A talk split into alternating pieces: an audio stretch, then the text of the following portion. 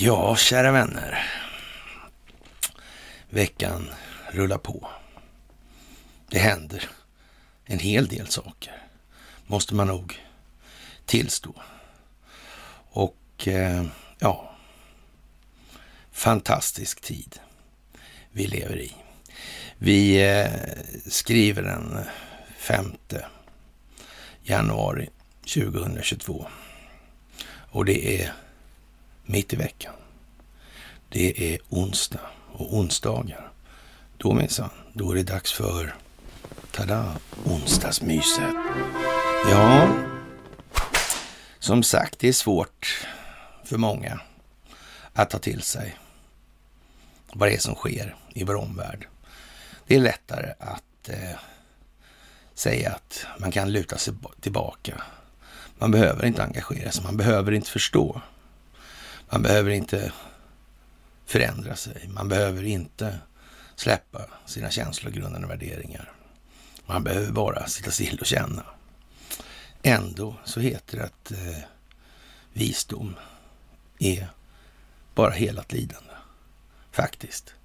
Det kostar på att släppa sina föreställningar, sina känslogrundande värderingar. Ni ska ha det allra största av jävla tack alltså. Och det här är fantastiskt, det arbete ni gör. Helt otroligt. Naturligtvis, alla är inte lika nöjda. Nej, så är det. Men det måste vara så. Det finns inga genvägar till en perfekt ljudbild, sa väl den här farbror Barbro. va. Men eh, det handlar om optik det här. Och eh, det handlar om att skapa en bild som människor kan förstå och associera. Det måste bli utveckling av individen. Det är vad det här handlar om. Ni ska ha ett stort tack för gåvor på Swish och Patreon. Verkligen alltså. Och ni ska ha ett jättestort tack för att ni fördjupar er som ni hör på karlnorberg.se. Det är otroligt att se hur många människor som är inne och rotar och snokar i de här historierna vi har berättat i decennier här. Fantastiskt att se. Och ni ska också ha ett stort tack för att ni hakar på Telegramtjänsten. Och eh, vi kommer tillbaka till det här med vad egentligen eh, de här olika vägarna och, och, inte behöva förstå, inte behöva engagera sig. Hur ska man komma till rätta med någonting om ingen förstår någonting mer? Och vi har hamnat där vi har hamnat. Är inte det ett konstigt resonemang kan man tycka? Jo, det är det. Det är ett väldigt konstigt resonemang. Det är fullkomligt vansinnigt helt enkelt. Och många av de här olika yttringarna i alternativrörelsen. Det blir ju också någonstans så då att vad är liksom syftet med det där? Och, och ja, sen är det så med alla sådana här rörelser då att håller man sig inte strikt till det här med att beskriva problem i sak och sådana här grejer, då är det ju liksom, ja, då är det lite nattgammal is över hela verksamheten helt enkelt. Mm. Eller under ska jag väl säga snarare då. Och eh, i det här läget så är naturligtvis statsmakten tvungen att spela ut det här på ett sätt som gör att folk reagerar. De har inget val. De måste göra dumma saker för att folk ska reagera. Det här är vårt land. Det är land vi bor i. Vi är befolkningen som bor i det här landet. Det är vi som måste förstå mer. Det är vi som måste engageras. Det är bara vi som kan utgöra ett hinder mot att det här jävla spektaklet återupprepas. Det är bara se. Bara så alltså. Och det är faktiskt så otroligt glädjande att se hur många som faktiskt tycker att det här är någonting värt att stå upp för. Det här är värt att strida för. Och då menar jag inte i någon fysisk märkelse, för det är det sista vi ska göra. Det är det dummaste. Att hemfalla till de primitiva känslorna. Det löser ingenting. Det är det allra, allra säkraste sättet att skapa handlingsfrihet för den djupa staten i det här läget. Det är helt säkert. Helt jävla säkert hugget i sten. Så är det så. Lite komiskt naturligtvis och naturligtvis blir alla göteborgare förargade. Men det är klart de ska ha ett eh, omdiskuterat skär som döps till Röven då. Och det kan man ju mm, möjligtvis tycka att de kunde kanske dragit till med en liten apostrof där eller så, eller accent. Ja, så. Mm, eller så. Men, men, det är ju trots allt en sida på landet där, där det är på det viset alltså. Det måste ju alla förstå nu. Kommer bli galen. Nej, det blir han inte. Han är inte så imponerad av goa gubbars anda. Va? Och det kan man förstå. Det hedrar honom faktiskt. Han har inte så dåligt om dem i alla lägen i alla fall. Ja, och eh, vi börjar väl lite lätt så här på onsdag mitt på dagen då ungefär. Och eh, Swedbanks tidigare vd Brigitte Bonnesson då är ju åtalad där, har det ju sagts då. Advokaten hon har då, herr Olsson, han eh, tycker väl lite grann om det här så vitt det går att förstå i alla fall. Och eh, jag vet inte vad man ska säga riktigt eh, om det här. Ja, med ordförande Göran Persson då säger han i alla fall så här. Swedbanks nya ledning med ordförande Göran Persson i spetsen gjorde den tidigare vdn Brigitte Bonnesson till syndabock i ett politiskt rävspel. Det hävdar hennes advokat. Ja, ja, det är Samuelsson. Ja, per, eh, ja, per E Samuelsson. Det är han som har skrivit boken om Haijby för övrigt. I det här. Ska man väl tänka på. Och han har väl någon form av insikt i och med det eftersom han hävdar att mycket av de här rättsrötte anföranden eller anspråken som man höll sig med då eh, faktiskt stämde överens med verkligheten. Och det, det, kan man ju tycka är lite anmärkningsvärt sådär att inte, ja, har fått bättre fäste. Men, man, det kan ju vara så att det här sitter djupt där, det vet man ju inte faktiskt. Det är ju faktiskt så. Ja, jag blir alldeles tårögd där bara för det. Jaha, och eh, vad ska vi säga? Det handlar om politik, upp, uppger han i en skrivelse som Dagens Industri har tagit del av. Konstigt det där. Och om man säger sådär som advokat så är ju inte han ute för att framstå som någon jävla clown alltså. Det, det, får vi nästan eh, räkna med helt enkelt. Och i, i den meningen så är det väl också så att i så fall så har han väl ungefär klart för sig hur det här upplägget har sett ut med vilka syften, vilka åtgärder har gjorts då. Det får man väl nästan utgå ifrån, va? Är inte det rimligt? Det kan man väl tro. Och det innebär ju någonstans att det här, då har ju det här så att säga varit i säck innan det kom i påse i en eller annan mening. Och, och, ja, det går djupare alltså. Och då är det ju frågan om hur det där djupet ser ut i den delen. Är det så att Göran Persson kanske inte ville ha det där jobbet riktigt? Nej. Hur är det där egentligen med, med var inte han på Bush besök och såna här grejer den där förresten? Figuren, Persson-typen. Det var han va? hon, eh, Donna Persson där, hon... Ja, Anitran alltså. Hon var på bolaget va? Med alla, i alla de här härvorna också. Mm. Och Göran var ju precis som mormor sa till namnet någonting som kanske Sverige hade provat tidigare med så att säga blandad framgång då ur ett moraliskt föredömsperspektiv, eller föredömlighetsperspektiv ska vi säga. Ja, hur är det där egentligen? Så vart han ambassadör då, eller sån särskilt sändebud då för demokrati och ekonomiutveckling i Ukraina tillsammans med Carl Bildt och Jan Eliasson, alltså före detta generalsekreterare för FN då. Carl Bildt kanske inte behöver utveckla så mycket vad han håller på med mer. Uh, kan det vara liksom en ren tillfällighet att de är, blev utsedda till det? Ja, kanske. Och så lägger man till då det här med verksamheten i Ukraina ur det stora perspektivet. Ur uh, Clinton Foundation-perspektivet. Har Ukraina bidragit till Clinton Foundation i någon stor omfattning?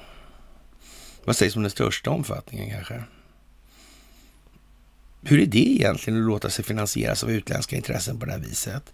Är det speciellt? Hur var det här egentligen med Obama och Uranium One? och så vidare. Däremot lämnar vi lite, vi lämnar lite lucka. Armbågslucka i alla fall. För att Obama faktiskt satt där rätt länge och gjorde rätt konstiga saker. I det här spelet så krävs det skådespel. Skådespelare minsann. Det ska se ut som någonting. Det handlar om optiken. Det är för beskådandet, helt enkelt. Kan det här vara planerat? För jättelänge sedan till och med. Kan någon ha tänkt? Kan någon ha förstått? Kan någon ha sett? Kan någon ha räknat?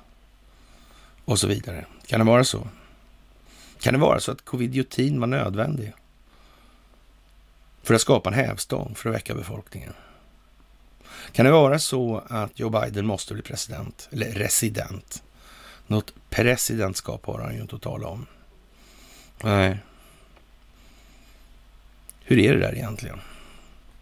Det här ekonomiska systemet, är det långsiktigt hållbart verkligen? Är det så? Hur kommer det sig att man fortfarande inte adresserar det här? Hur kommer det sig att man fortfarande inte adresserar det här med telekominfrastrukturens betydelse och roll för det moderna samhället när det moderna krigets största del är vad då? Informationshantering. Det verkar konstigt. Har man missat det? Har Donald Trump missat det här med att starta plattformar? Det går inte så lätt om man eh, har den som kontrollerar telekominfrastrukturen emot sig. Så är det ju. Va? Mm, de här 5G-utrullningarna i USA. Det är konstigt. Hur blev det så där för egentligen? Mm. Ja, det här kommer vi tillbaka till under dagens mys i alla fall, så det är inte mer med det. Jaha, och eh, på många platser så är det naturligtvis på så vis att eh, det är lite stökigt nu. Ett av de ställen där det har blivit väldigt stökigt sista dygnen då, är Kazakstan. Va? Och där säger då det, ja, Peskov då, talesmannen för Kreml i det här. Han säger så här, Nursultan har inte begärt hjälp från Moskva för att hantera den nuvarande krisen i Kazakstan. Det är viktigt att ingen lägger sig i utifrån. Kremls företrädare säger vi är övertygade om att våra kazakiska vänner självständigt kan lösa sina interna problem. Och, och det vore väl märkligt annars. Det kan man väl säga. Det är lite grann som med Vitryssland där skulle man kunna säga. Den stenhårda diktatorn. Men vänta här nu de här länderna. Med sådana som Lukasjenko och Nursultan. Hur är det där egentligen? Ja, har de inga liksom telekominfrastrukturella anspråk de där där. Vem är det som håller dem med de här avlyssningsmöjligheterna på sin befolkning? Som de har styrt och kontrollerat så förfärligt. Vilka är det? Mm. Så kan det vara, ja. Och så är det. Jaha, och vad ska vi säga? Vi eh, har väl någonstans eh, flaggat lite grann för att Sverige kommer ju dras in i det här och vi tror att det blir via Ukraina då främst. Då. Och naturligtvis så är det beroende på vad som sker i USA med utvecklingen där gällande valet. Det är en sån sak alltså. Men, men samtidigt är det ju en rad andra frågor som måste så att säga korrelera eller koordineras, ha koordinerats med utvecklingen där för att det här ska ge önskade effekter. Och den svenska politiska adeln är alltså bakbunden och försedda med stackel big time nu. Det finns ingenting att be för. Det här går ut på att få folk att reagera. Hur vansinnigt som helst. Det är så motsägelsefullt så att det knappt ens är skrattretande. Det är helt uppenbart. Optiken är helt klar. Och det här måste trava på. Det här med dieselpriset är det ju skämskudde på för min del, vill jag nästan påstå. Det är för fan störtlöjligt. Det bet ju ingenting. Helt enkelt. Nej. Det är helt otroligt alltså. Man trodde ju att kanske det skulle vara något mera framkomlig väg än vad det visar sig ha varit hittills i vart fall. Men, men, det är ju som det är helt enkelt. Och eh, det kommer massor med olika infallsvinklar på samma sak nu. Verkligen massor. Och allting konvergerar. Och att vi i Sverige kommer befinna oss sent i det här, det är helt säkert. Och det beror just på att man kan nog inte tala om det här med telekom infrastrukturens betydelse riktigt ännu. Det går inte, det är inte moget för det. Därför att om man får, människor får klart för sig det, då blir det ju jättesvårt att spela det här. Man måste liksom använda kulissen så länge. Det går liksom inte att plocka ner människor på absoluta botten, för då är de helt villrådiga. Alltså, det går inte. Så det måste tas i delar här och måste tas med stor omsorg dessutom. Och Eh, ja, som sagt, djupt gick kärlen här i nord och sanna mina ord, det är krig och politik som har fördärvat vår jord. Alltså här är den sköna sommaren av Evert Taube. Kanske väl värd att lyssna på för många svenskar, särskilt de som gillar svensk kultur, kanske ska försöka ta till sig de delar som faktiskt beskriver de moraliska avarter som den här befolkningen har låtit ske eller utvecklas under så lång tid. Det är inte bara Runebergs och Sven, Runebergs Sven Duva som är ett litet aber i de här sammanhangen. Det kan vi nog konstatera. Vi måste dra vårt strå till stracken, mänsklighetens stack helt enkelt. Det är så, det har inte vi gjort i någon föredömlig utsträckning. Absolut inte. Nej, inte alls faktiskt. Jaha, och eh, vi har ju massa kultur i det här. Det är väl ingenting att diskutera om.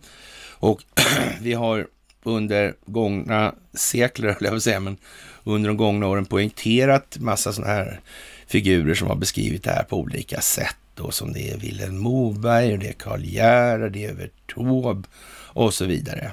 Och eh, en av de, vad kan vi kalla tidigare, ja, estradörerna kanske, rent ut sagt då, är Carl Michael Bellman till exempel, som tjänade på prov hos Riksbanken och jobbade på Riksbanken en stund till och med. Och eh, var väl, han var väl inte så där våldsamt imponerad av eh, Riksbankens verksamhet. Den här Riksbanken som startade 1668 där av Johan Palmstruch, vars far lånade ut pengar till Gustav II Adolf i samband med de här krigen och sådana här grejer. Då, då. 30-åriga kriget och så vidare. Mm. Och Axel satte full fart på hemmaplan i Sverige. Mm. Det blev inte så bra där. Den svenska syndafloden, säger polackerna. Det kan man säga, det kan man säga. Det plundrades vad det gick på artefakter och reliker, tro inget annat. Varför gjorde man det för?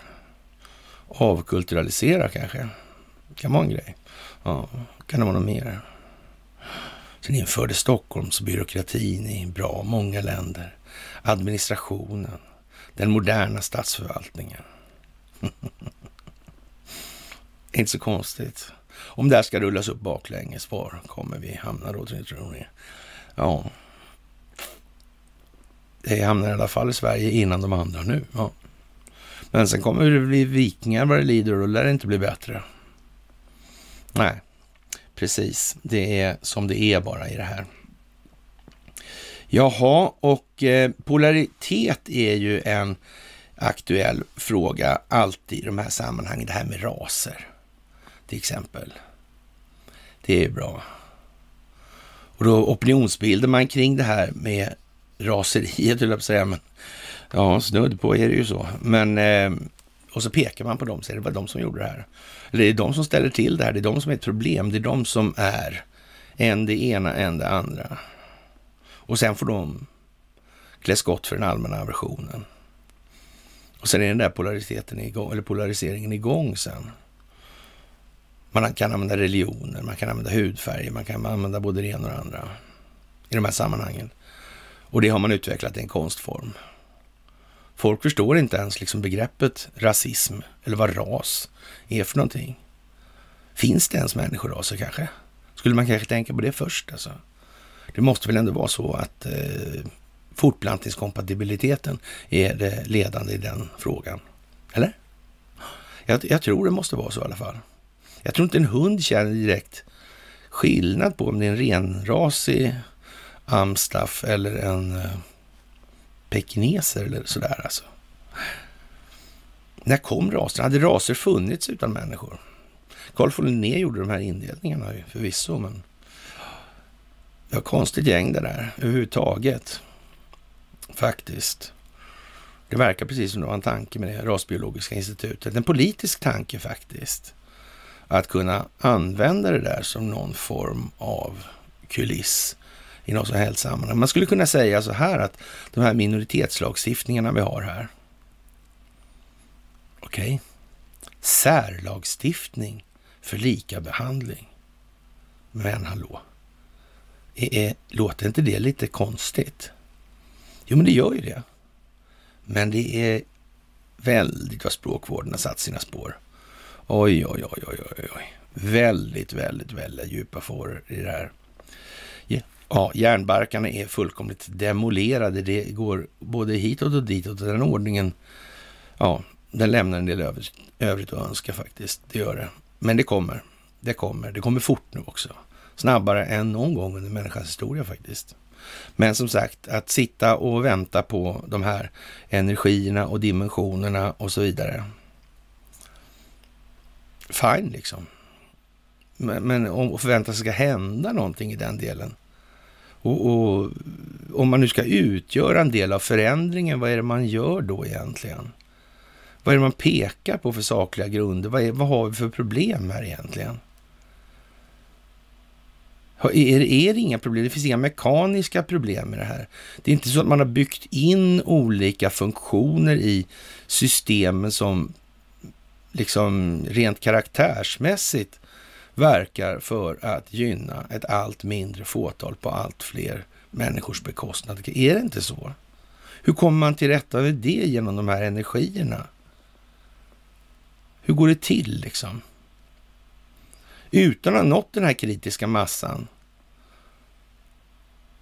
av allmän medveten medvetenhet. Hur ska någonsin förändringen ens kunna genomföras utan att det bara blir jävla kaos av alltihopa? Det är folkbildningen som är det viktiga.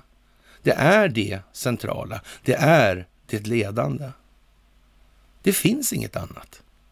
Det är bara så. Och det är naturligtvis mängder av folk. Oj, oj, oj, oj, oj. Det är vi, de har vetat och de har förstått det här med pengar och hit och dit. Men de vill ju inte ens diskutera det nu alltså.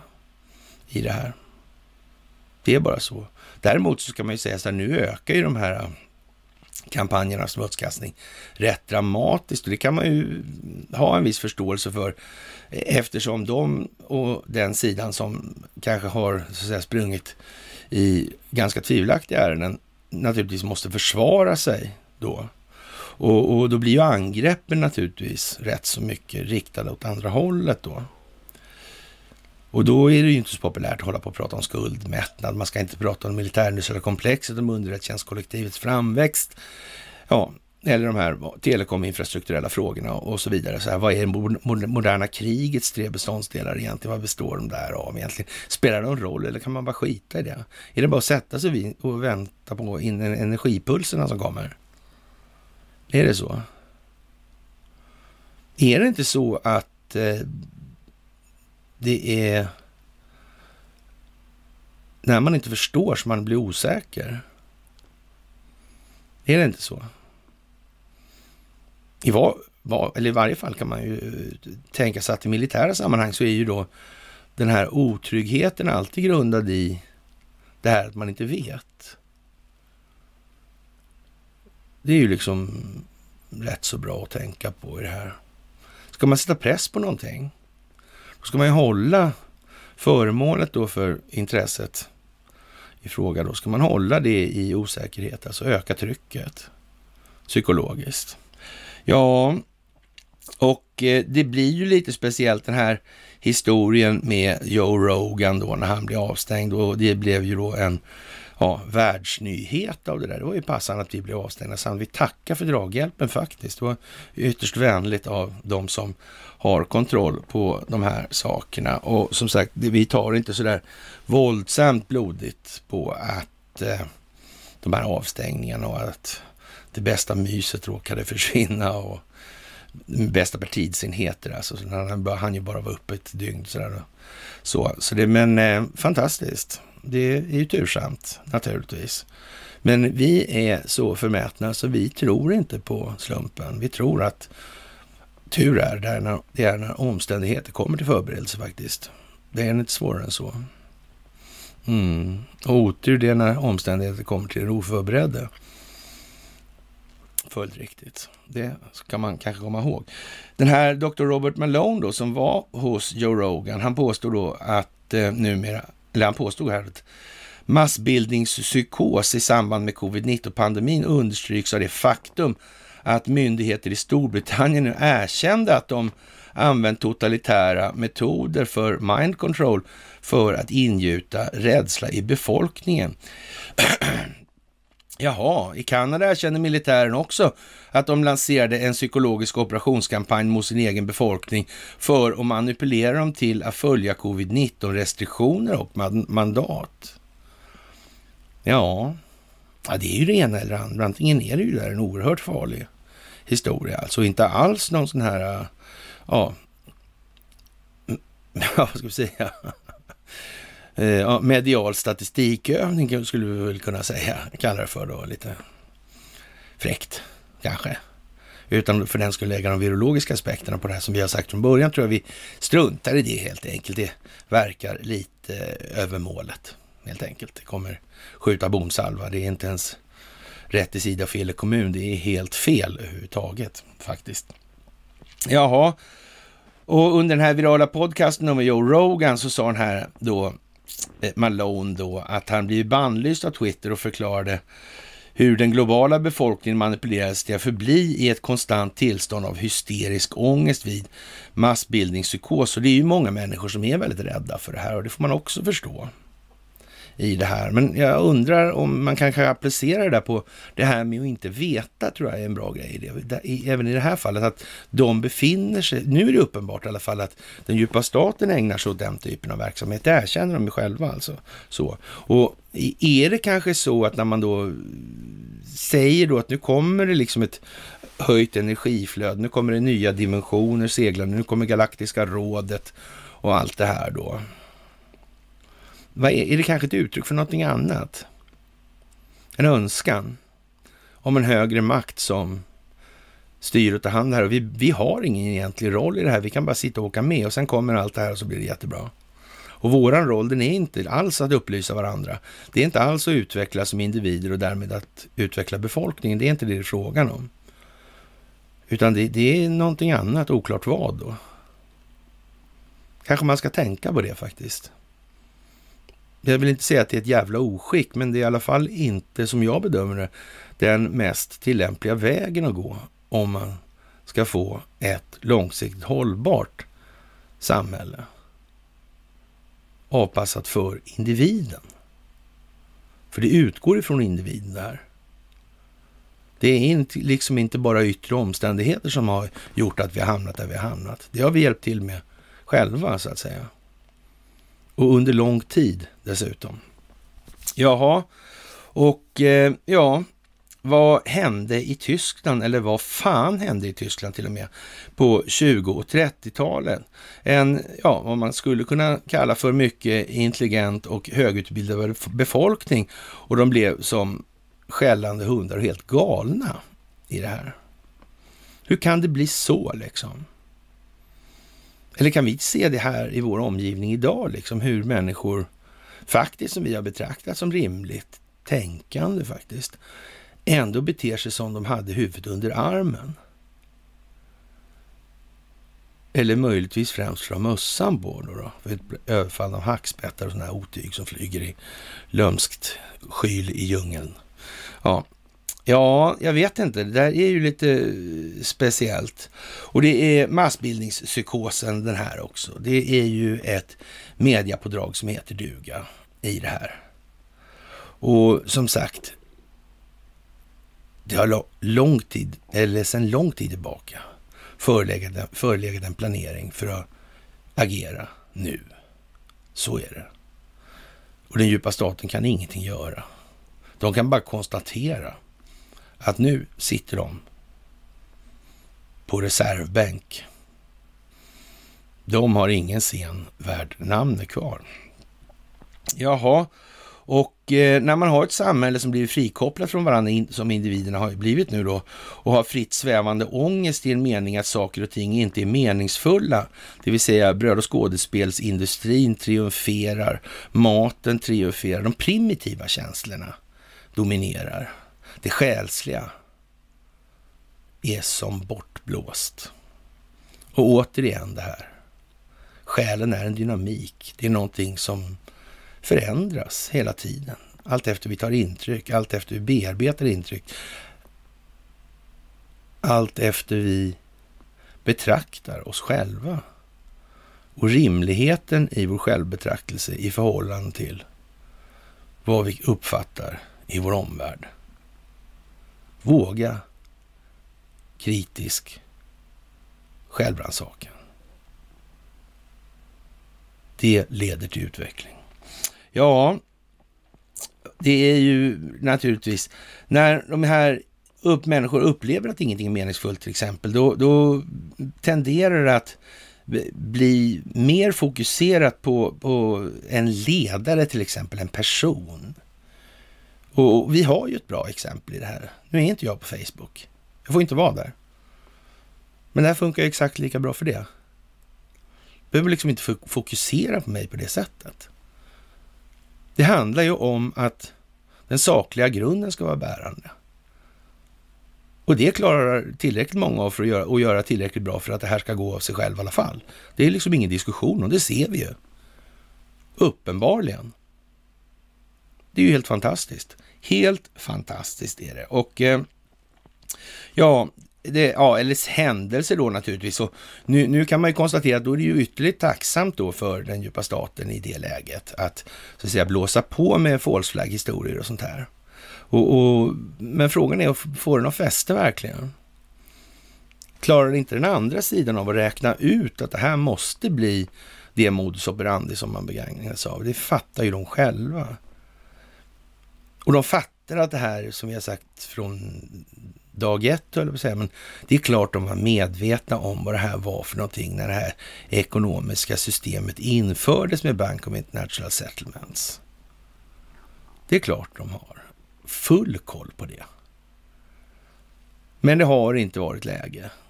De här historierna som vi har dragit så många gånger på de här föreläsningarna. Som för övrigt är fantastiskt bra att ni ber era vänner titta på, för det innehåller en hel del information som faktiskt är för, alltså helt nödvändig för att kunna få en större bild, ett vidare perspektiv. För att bättre kunna bedöma vad vi har varit och varför, varför vi har hamnat där vi är. Och vad den utvecklingen i så fall möjligen skulle leda till, eller måste vi kanske agera och bryta det här utvecklingsmönstret? Kan det vara så alltså? Kan det vara så att allt det här med Joe Biden och med covidiotin och valfusket och alla de här konflikterna som hela tiden blossar eller böljar i de gamla sovjetiska randstaterna där alltså. Numera ryska randstaterna. Kan det vara tänkt så? Kan det vara koordinerat så?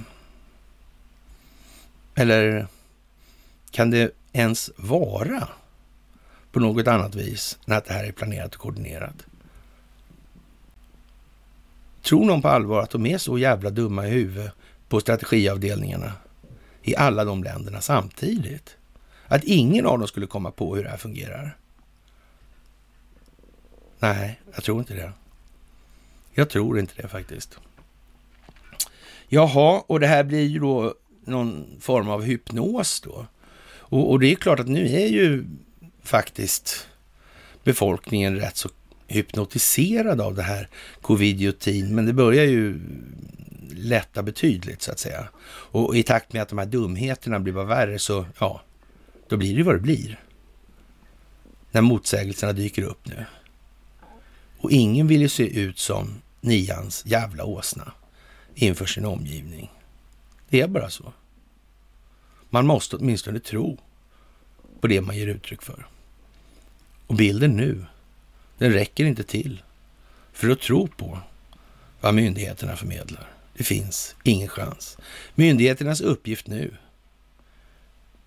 det är att väcka känslor hos befolkningen. Få människor att reagera. Få människor att agera. Folk är trötta på covid. De orkar inte höra på det här skitsnacket längre. Det är bara så. De har förstått att PCR-testet inte kan göra skillnad på någonting alls har blivit helt meningslöst. Man har sett att amerikanska myndigheter har bytt testmetod. Men de testar vidare på någonting som inte fungerar. Eller med någonting som inte fungerar. Varför gör man det för? Varför tar inte svenska medier upp att USA har gjort sådär för? Man skulle kunna säga att eh, läkemedelsindustrins huvuden ligger snart på fatet om man inte vill vara lite krass och säga att de ligger redan på fatet. De har bara inte upptäckt att de har fått dem avhuggna än. Det har de säkert gjort också i förekommande fall, absolut. Så är det ju. Så är det ju. Ja, det är mycket speciellt helt enkelt. Det har aldrig hänt något sånt här stort och i den här omfattningen och i sådana här sammanhang alltså. Det här är ju något helt annat än vad vi är vana vid alltså. Och eh, ja, det är många, många, många människor nu som tycker att det här är riktigt jävla illa alltså. Och börjar förstå liksom vidden av hur eländigt det här är med Stockholmsbyråkratin, den här institutionaliserade korruptionen och så vidare alltså. Och eh, till exempel nu så förekommer uppgifter om att det blir regeringsbeslut om vaccinpass på restauranger och i affärer. Och det är ju klart att får man stänga bolaget och hålla på med sådana här grejer och, och är inte det konstigt? De här människorna som då tycker sig värna, eller säger sig värna, uttrycker sig värna om befolkningens väl och ve. Varför har de inte stängt bolaget? Varför inte liksom? Tobaksaffärer, dra åt helvete. Det är fan inget för folkhälsan. Nej.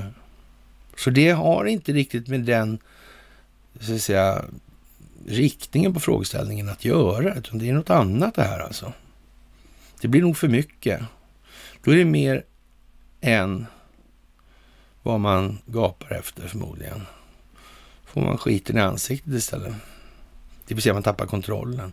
Det i sin tur implicit alltså innebär ju att de gör så här ändå nu.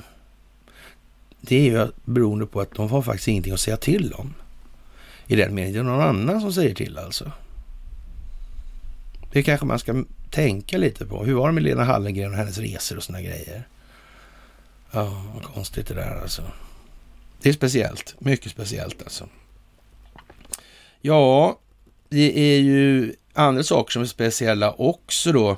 Och där får man väl säga så här när Aktuellt kör den här filmen som gick igår, som jag uppfattade det i alla fall, med då någon, eh, ja, i en hazmat-suit ungefär, liksom, med en skyddsdräkt då. då. Och, och kör de bår då. Och, och, då kan man ju, varför kör man döda på en bår Eh, framför kameror ställer någon frågan då så här och så blåser vinden ner det då blåser alla de här lakanen bort så är det bara hoprullade lakan och det ser inte alls ut, det är ingen människa som ligger där. Och, och, och varför gör man så här i SVT? Varför är man så övertydlig? Man kan ju säga att de som sitter och talar om för sin omgivning och sina vänner och bekanta att det är jävligt viktigt att ni vaccinerar er nu och såna grejer. Det här är seriösa grejer och så vidare. Jag menar, man kan ju inte med bästa vilja i världen påstå att man kan anse att det där är någonting.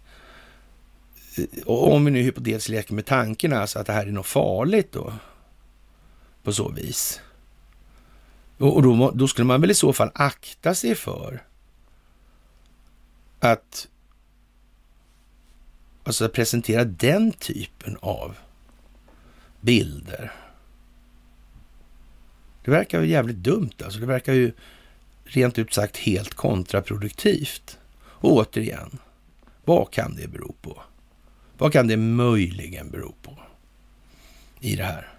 Och med det sagt, bara för man förstår det och vet det, då är inte det samma sak som att alla andra gör det. Och det är bara om många fler andra faktiskt förstår det, varför det här är som det är. Ja, det är bara då samhället kan utvecklas. Så vår roll är fortfarande att bedriva upplysning till vidare ledning och upplysning. Och ingenting annat. Ledning är vad det är. Det handlar liksom inte att ja, se till att folk följer diktat, för det är inte ledning. Att vara chef är inte att vara ledare. Det är inte samma sak. Ledare diskriminerar inte. Ingen elektrisk ledning eller vattenledare diskriminerar elektroner eller vattenmolekyler på det viset.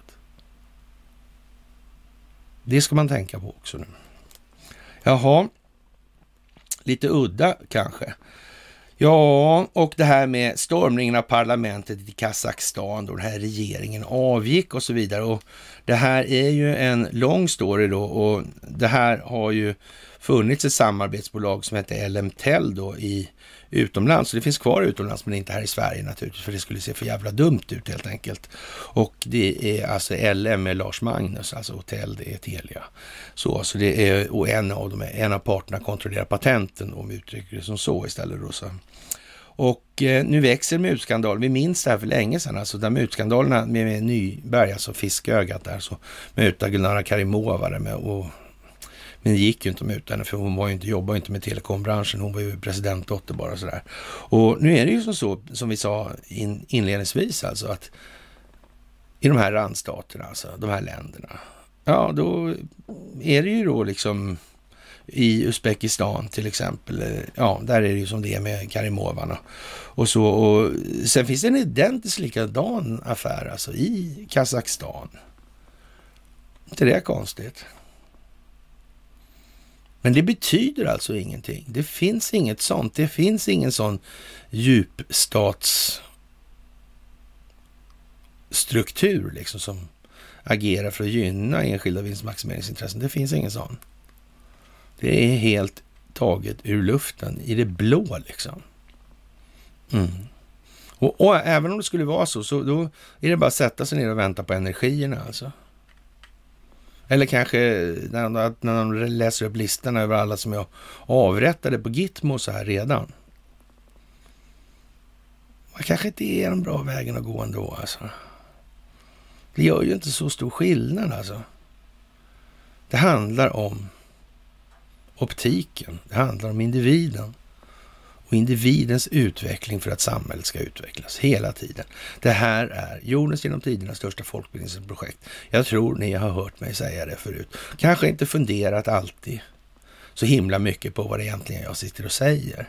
Men om man ser de här mysen en gång till, eller kanske inte fler gånger också, så kommer man nog kunna statera att fan, han sa nog något där. Det kanske egentligen inte betyder det där, utan det måste nog ha betytt det där istället. Så kan det ha varit, ja. Så kan det ju ha varit. Ja. Det är ju så. Och hur värjer man sig mot det där egentligen?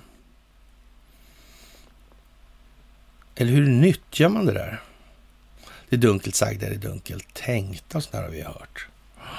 Ja, så kan det ju vara. Men hur möter man det då om man dyker på det problemet? Det här med språkvården, när de håller på och micklar sådär. Hur gör man? Ska man eh, skedmata? Ska man ge svar? Ska man ge lösningar så inte folk klarar av själva att identifiera de problem de ställs inför? Är det bra grej? Är det bra, en bra pedagogisk metod för samhällsutvecklingen? För individen? Vi kan väl säga att mm, det börjar bli klart att det är nog samma sak lite grann det där med samhällsutvecklingen och den individuella utvecklingen. Jag tror det. Jag tror många börjar förstå det nu, faktiskt. Ja, ja, ja. det är en massa varianter här med Telia och det är inblandning med Ericsson i de här sammanhangen. Det är den här övervakningen alltså, det är någon form av militär verksamhet på något, på något vis alltså. De här ländernas underrättelsetjänster, har de klarat sig jävligt bra utan de här telekominfrastrukturella tillgångarna? Nej, det har de inte gjort. De har inte klarat sig alls utan dem. Mm. De är till och med tvungna att betala licensavgifter för det, helt garanterat. Vem är det som bestämmer? Egentligen.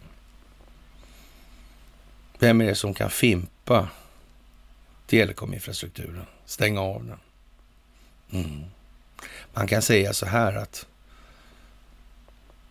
när USA nu här förleden sa att Ericsson hade brutit mot överenskommelsen från i början på november 2019 så var det också ett klarläggande av att eh, nu kör vi. Helt enkelt. Så är det. USA kan knappast riskera sin egen situation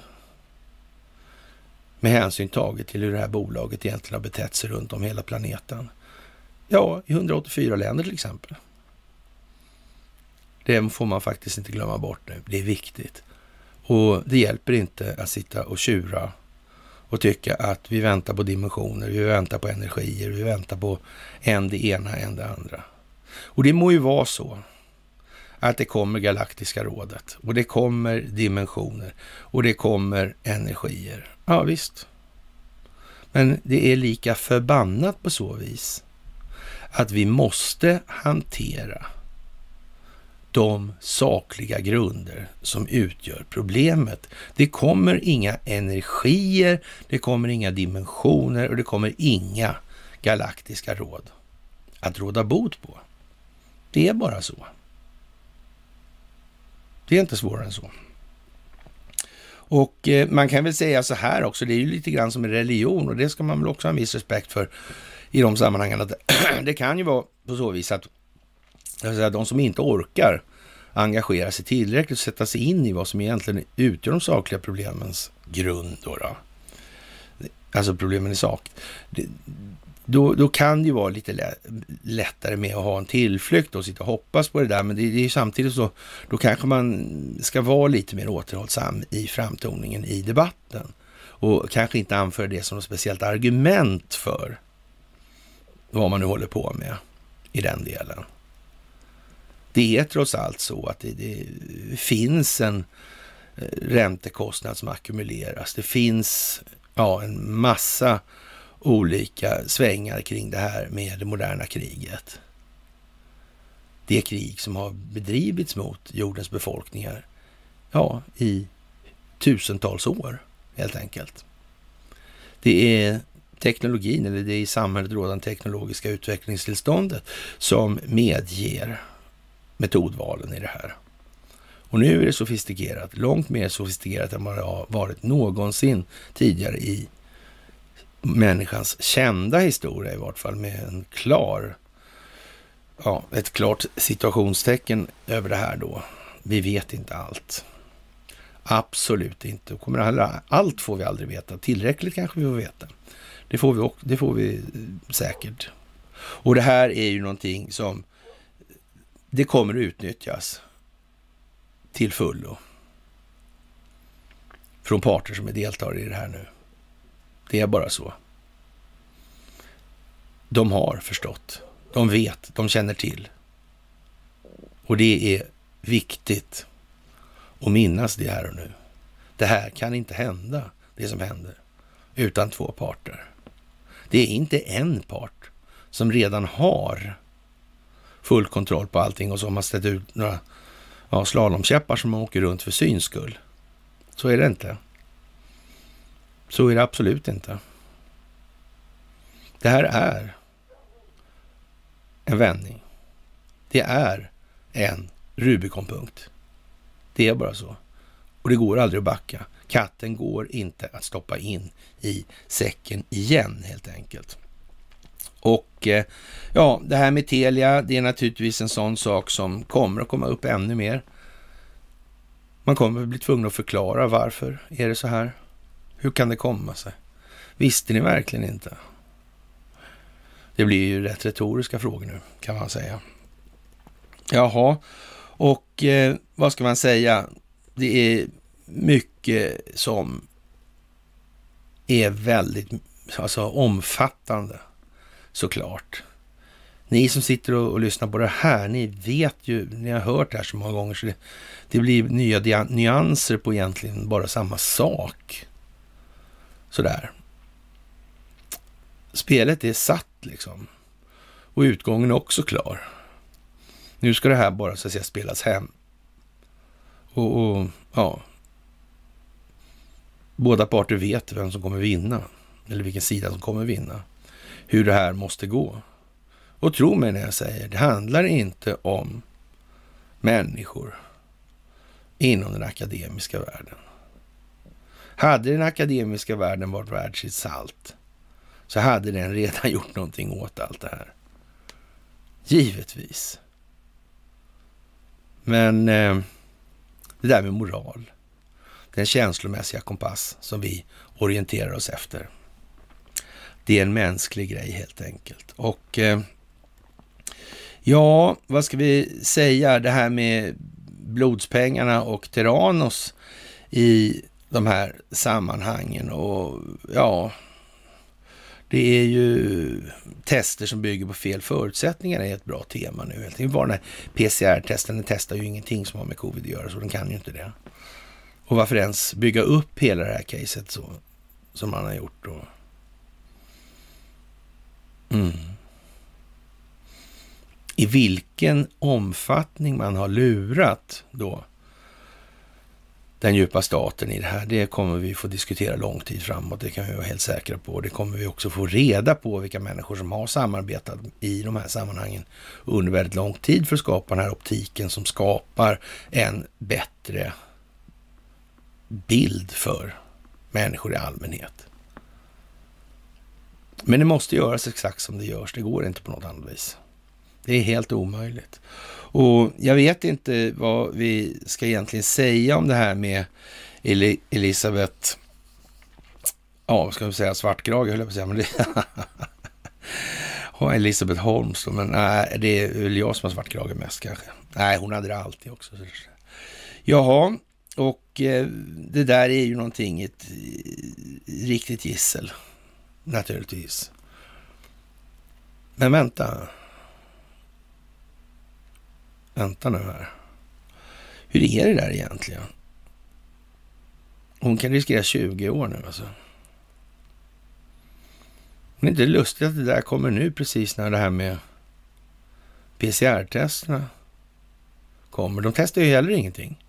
Det gjorde inte hennes maskin heller. Det var bara upphåsat. Det här andra covid tycks också vara lite upphåsat.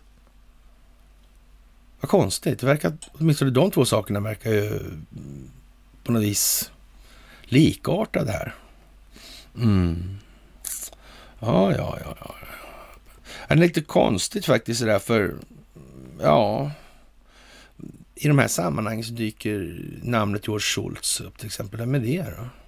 Han hängde ihop med någon i samma kretsar som en annan, Felix Roatin. Är inte heller särskilt bekant alltså. Sådär. Funnits bak i skuggorna, alltid. Mm. Arnold Schwarzenegger vet i alla fall vem George Schultz är, det kan man säga. Och Felix Roatin också. Ja, ja, det kan man ju tänka sig alltså. Och, men barnbarnen invester till Schultz investerade i den här alltså Elisabeth Holmes företag. Mm. Det kan väl inte vara så att det är ett pedagogiskt exempel? Att folk ska göra analogier. Att folk ska förstå att det går att köra hur stora bedrägerier som helst i princip. Skulle det kunna vara så att tanken bakom det här med Elisabeth Holmes, hela projektet, faktiskt har haft som syfte att komma på det sätt som det kommer nu medialt. Är inte det konstigt det här? Ja. Och vad, vad, ska man säga någonstans i det här? Alltså, eh, rättegången är seger för journalistiken, eh, skriver man i Dagens Industri här. Mm, det kan man säga. Mm. Fast inte på det sätt att eh, journalistiken har gjort något jättegediget jobb i det här. För det här är inte första och enda gången. Journalisternas gedigna arbeten när det gäller uppdrag, ja nu ska vi inte säga Uppdrag granskning, när det ska gälla till exempel Telias förehavanden i det här. Och Telia Carrier, där 65 procent av kabeltrafiken. Ja. Men och ingen journalist reagerade i de här sammanhangen. Uppdrag granskning, Sveriges Radio. Skademinimeringsprogrammet eh, nummer ett. Tar det lagom. Men det är inte sagt att inte Uppdrag granskning har ett vasst halsband på sig i det här. Man kanske var tvungen att ta det från de, i delar redan då. Vem vet hur lång tid? De kanske inte vet det själva. Några högt upp, högst upp, lär veta vad som sker i det här. Och de är inte så språksamma så det stör nu. Som sagt, det är många rättegångar som står för dörren. Och ja, vi vet ju inte riktigt. Men som sagt, vi kommer bli varse. Och eh, ja, vad ska vi säga? Techbolagen i vår tids industrikoncerner präglar vårt arbetsliv, vår sjukvård, vad våra barn gör på fritiden och hur tar vi oss hur vi tar till oss information, falsk som äkta. Det måste gå att gräva runt och ifrågasätta via journalister att tacka för Terranos-bluffen eller för att den avslöjades då i tid innan riktigt många patienter får illa då. då. Och storyn visar hur viktigt det är med källskydd och hur farligt det kan bli när visionen plötsligt trumfar verkligheten. Ja, det finns ju delar av sanning i det här såklart. Även för den som tänker. Det gör det ju. Men som sagt, många journalister går samma väg som många jurister, människor inom statsförvaltningen och rättsväsendet många poliser, många bankirer och så vidare i det här. De har inte gjort vad som kunde förväntas. Absolut inte. De har inte ställt sig upp ett skit. De har inte varit villiga att riskera nacken en enda millimeter i de här sammanhangen. Noll. Och eh, ja, vad ska vi säga? Det är lite sådär eh,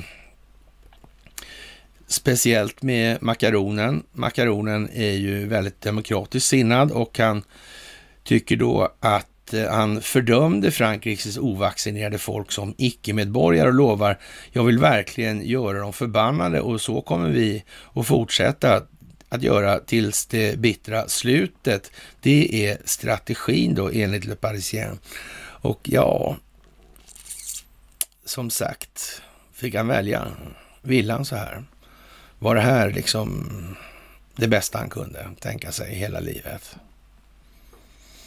Hur var det där egentligen? Vem fan är det som bestämmer i Frankrike? Ja, det är inte Rothschild, alltså det är inte det. Han må ju komma därifrån, men det är inte det som han som bestämmer. Det moderna kriget styrs av. Mm. Det är ända bak till Kryger kan vi säga också. Det har med revisionsbyråer och guld och sånt att göra. Ja. Speciellt. Mm.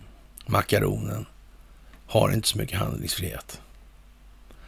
Han sitter i en liten böj som den lilla makaron han är helt enkelt. Och eh, vi får väl se vad det landar i så småningom. Han kanske samarbetar tillräckligt bra för att, ja, han kanske inte har gjort så mycket dumt själv. Det vet ju inte. Även om det förefaller ligga i farans riktning att han har gjort en hel, dumt, hel del dumt. Då. Så det är ju som det är då. Jaha, och vidare då, så det här med Kazakstan är ju naturligtvis en sån fråga. Det är en av de starkare ekonomiska krafterna i rand, bland randstaterna till Ryssland då i det här. Mm. Och eh, ja, som sagt, regeringen har avgått och eh, tjänstemännen kommer att fortsätta sina uppgifter tills ett nytt kabinett har bildats och eh, i 3000 demonstranter. Och frågan är väl vad det är för demonstranter då? Hur kommer det där sig? Vem är det? Kan inte, man kan inte läsa svenska medier och tro att man får en sån bild. Alltså, speciellt inte nu. Utan nu är det ju så att säga till att hålla grundstumt på det man har hållit på tidigare så folk faktiskt kan vända sig om när de ser dem. Han ju ljög ju om det där nyss. Ja. Hur stor är chansen eller möjligheten att du inte ljuger nu? Finns det en enda anledning till att tro att du inte ljuger? Rakt av, för att vilseleda. För att gynna de intressen du ändå är anställd av. Med ägardirektiv dessutom. Ja, det är ju som det är, självklart. Det förstår ni ju mycket väl. Och eh, en annan punkt i det här sammanhanget är naturligtvis det här som vi sa med vi när på ja, 13 Knut drog vi till med då så där. Det var ju lite, ja, vi kommer tillbaka till det alldeles strax så där. Och eh, man skriver i Omni, en ledare, attacken kan vara en början på ett nattsvart kapitel angående det här med Donald Trump och han är på väg tillbaka och hur de har tänkt sig och så vidare.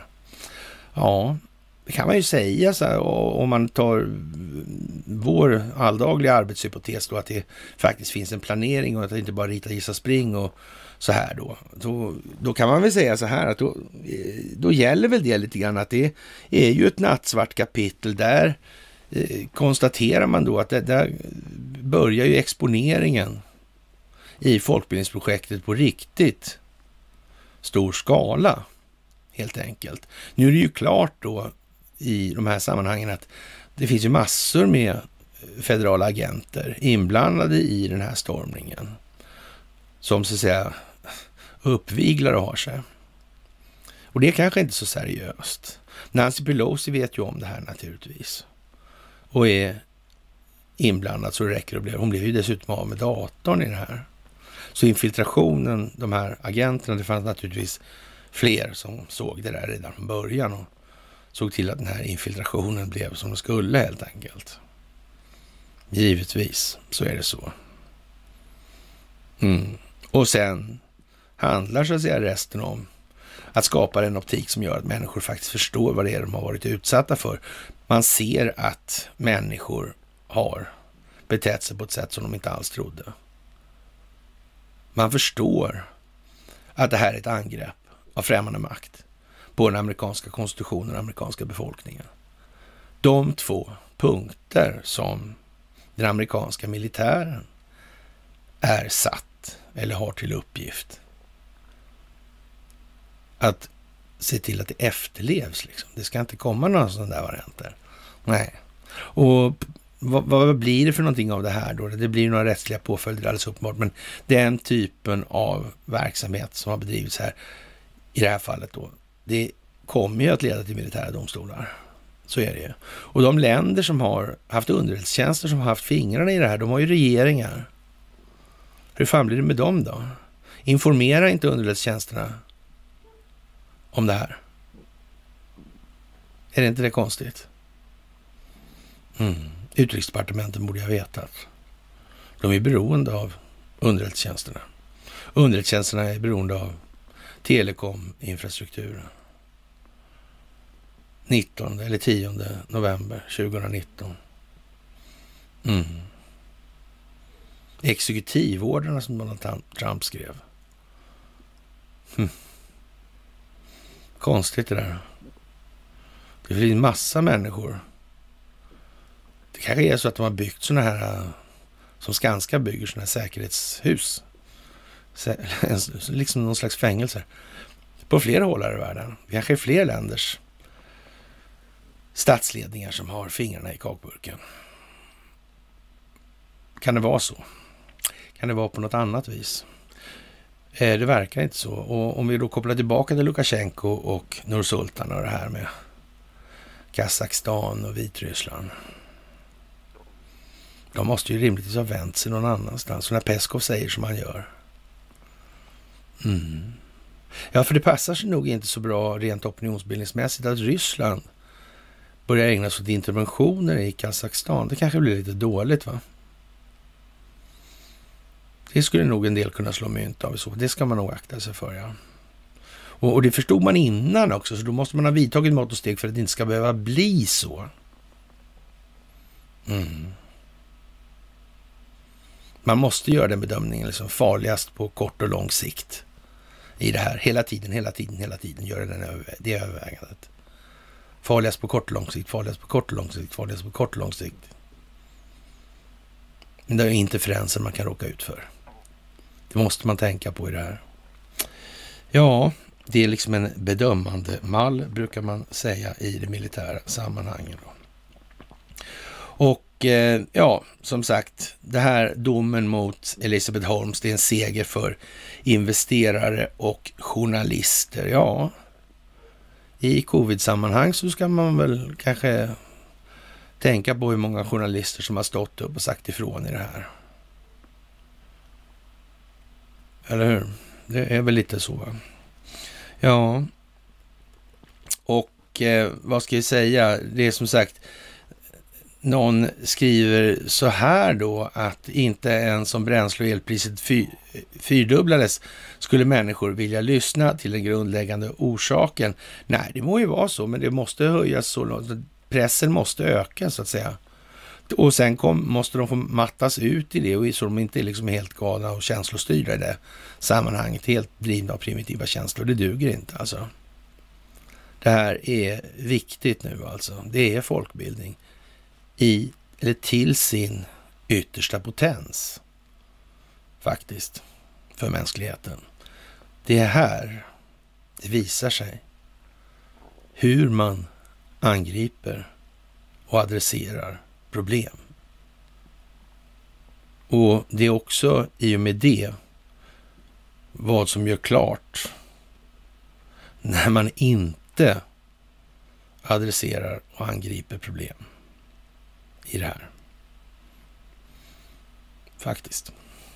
Ja, men hur som helst, vi tog ju den här historien. Vi sa ju då liksom att nu dansar de ut julen och det var ju inte sådär riktigt så galet kanske som jag fick en, en del påpekanden där att det är ju 20 Knut och så vidare, men, men var inte riktigt så det var tänkt, utan tänk, tanken var ju liksom att det här skulle då handla lite grann om 13 dagen då, faktiskt.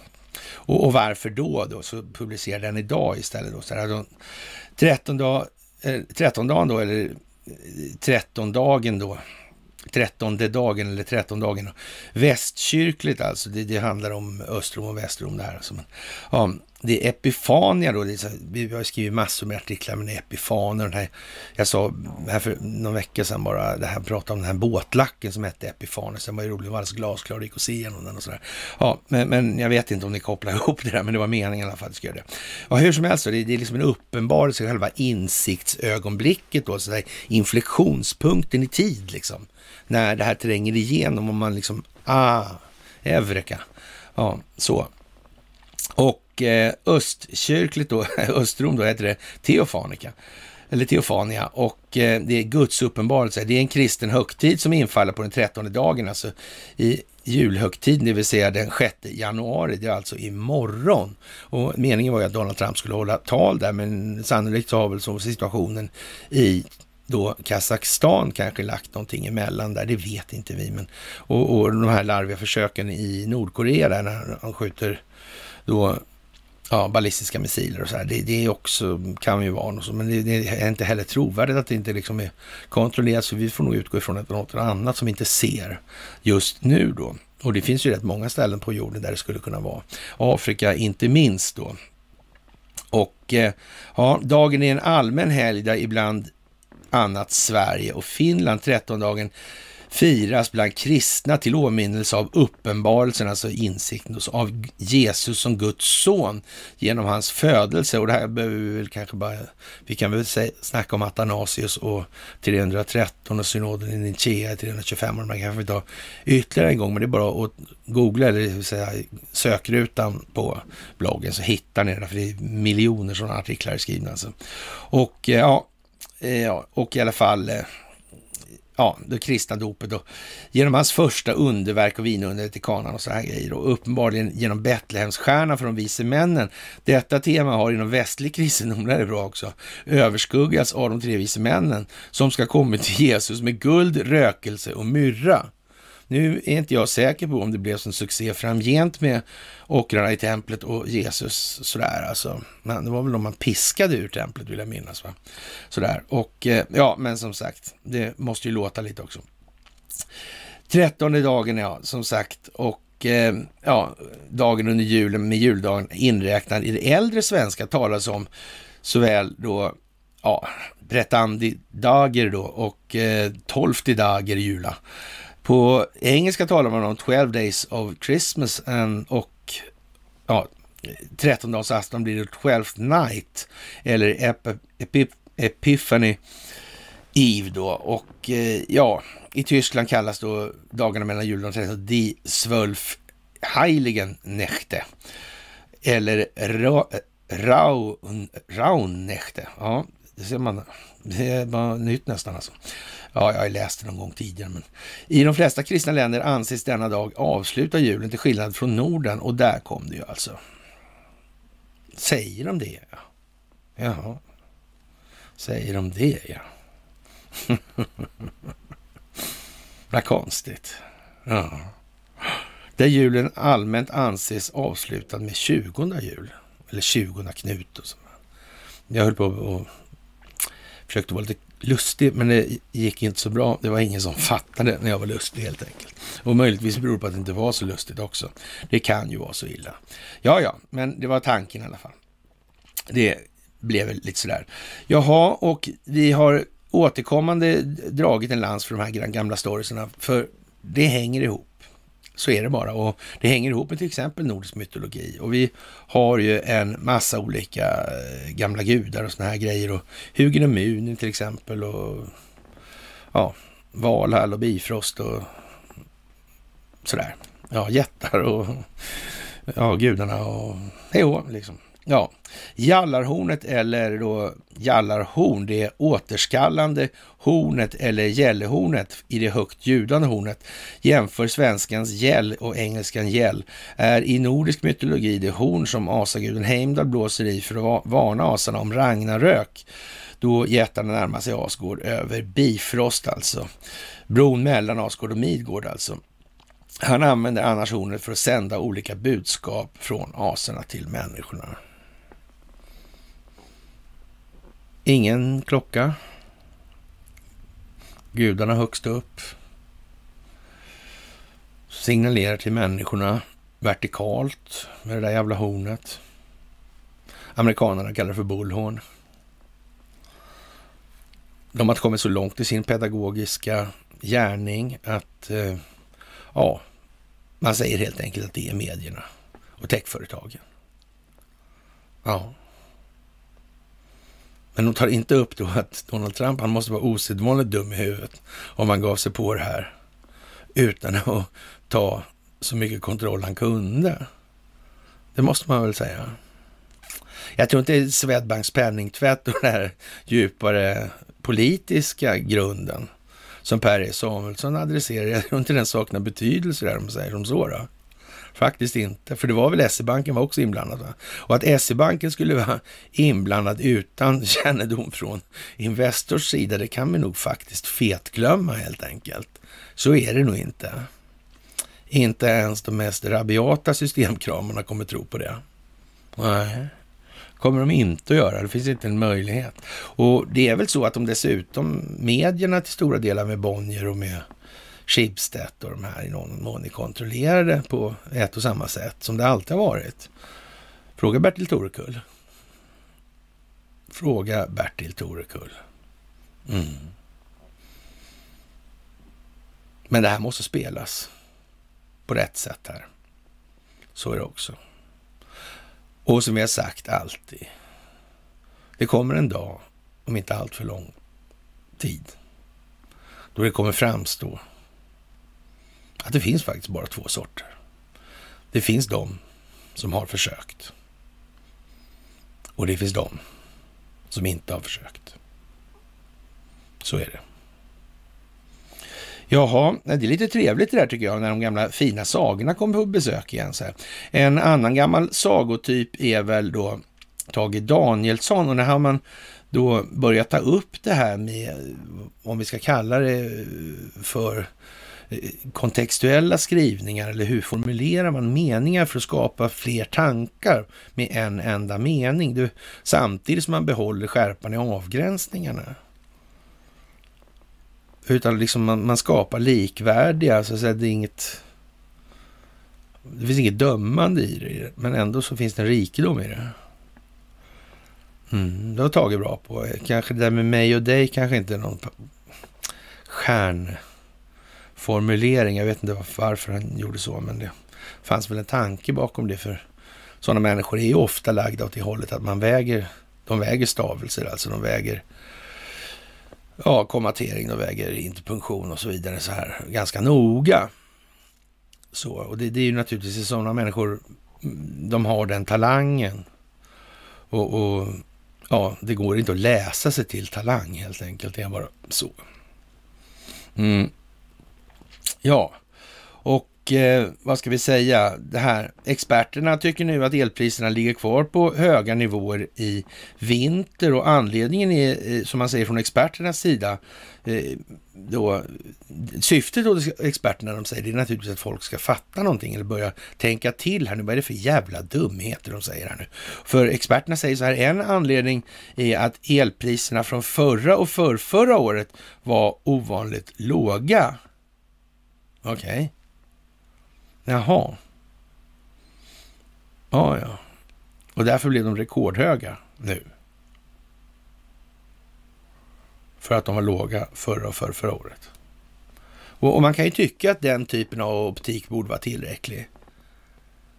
Men, men eh, många människor är så eh, disponerade att de tycker liksom eh, själva, ja bra, det finns en förklaring, du är inte lurad. Ja. Det är snudd på de skulle kunna säga experterna. Du är inte lurad. Vi är snälla. Du kanske möjligen upplever att ibland att vi är lite inte så snälla, men det är fel. Vi är snälla, vi säger det. Ja, men då så. Då vet vi ju vad det står. Och eh, ja, Willem Agrell är naturligtvis ute och ja, stojar i medierna nu och han tycker väl liksom, ja han drar paralleller till bland annat Molotov-Ribbentrop-pakten då mellan Sovjet och Nazityskland inför andra världskriget. Wilhelm har ju varit expert på det här hur länge som helst med underrättelsetjänstverksamhet och, och, och, hans farsa var ju också i bolaget då i de här sammanhangen på FOI då och, och jag vet inte om det kanske liksom men å andra sidan kan det vara så här också. Det, han är ju så klar, klockren i det här med vad han håller på med. Han skriver ju bort sig varje gång han öppnar käften. Och, och det är möjligt att det är meningen att man ska se det nu alltså. I det här. Det är liksom ingen som tror på att Börling tog papper och penna och åkte ut i sommarstugan, kom tillbaka med det ryska kryptot knäckt liksom. Det är ingen som tror på det här med G-maskinerna att det gick till på det viset. Det är ingen som tror på att man inte hade fingrarna i när det gäller kryptograf. Det är alldeles för lätt att hitta kringinformation. Alltså, det är ingen som tror på det här, som sätter sig in i de här frågorna. Det finns ju inte. Och det måste Wilhelm Agrell redan ha insett egentligen, kan man tycka. Faktiskt. Och eh, han fick ju panik någon gång där. Då skrev han så här, mot den djupa staten kan ingen vinna då. I Sydsvenskan, det är bara att googla Agrell, djupa staten, så hittar ni det där alltså. Och eh, ja, han ser i alla fall risk för ett historiskt mönster här, där åtgärder och eftergifter som sägs göras i fredens namn i själva verket leder till motsatsen. Och det är ju mm, i och för sig sant då i det här. Det är ju alltså Göran Persson, Jan Eliasson och Carl Bildt alltså. Som fred, eller ekonomi och demokratiutvecklare. Alltså Ukraina har ju en fantastisk ekonomi i det här läget. Fantastiskt helt enkelt. Ja, och demokratin är ju på topp alltså, verkligen. Det är inbördeskrig där alltså. Jag menar, eh, ja det är optik det. Det är optik, helt säkert alltså. Det är riktig optik.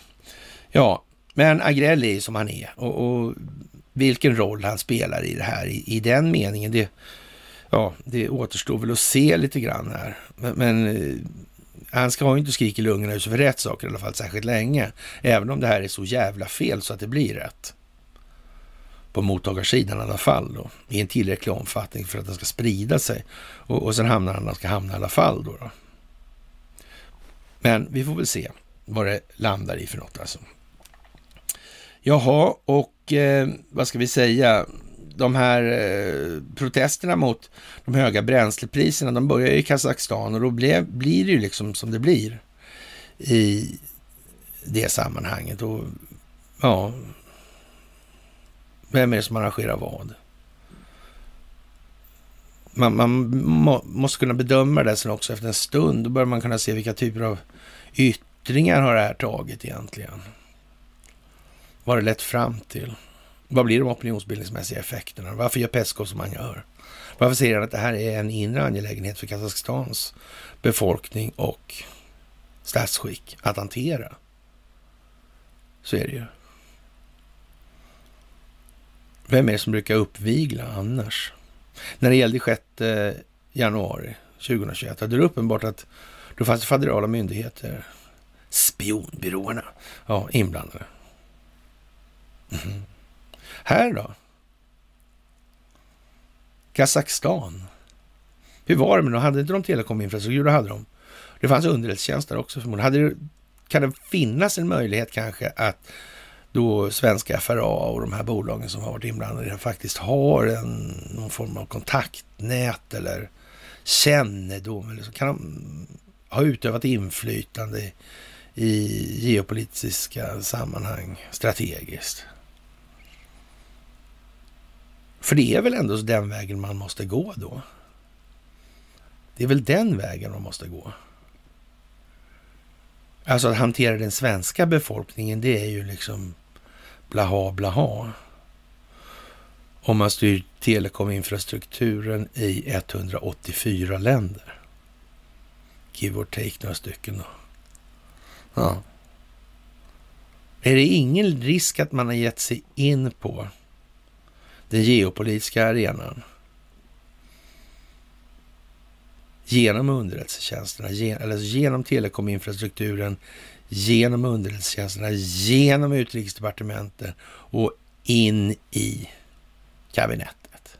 Ingen chans. Någonsin ens. Under mottot verka utan att synas. Jag vet inte. Det låter lite konstigt att det inte skulle vara gjort så. Men, men, vi får väl se. Vi får väl se. Det kommer vi att få se. Så det. Och det är ingen diskussion om hur det är.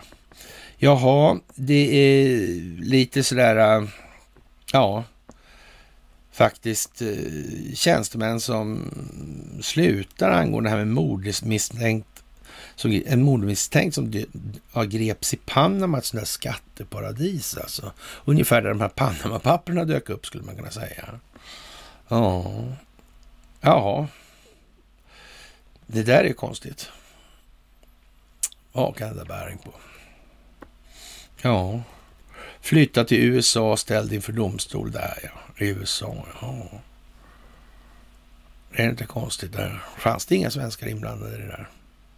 Kanske, nej, inte, inget Lundin, nej. nej.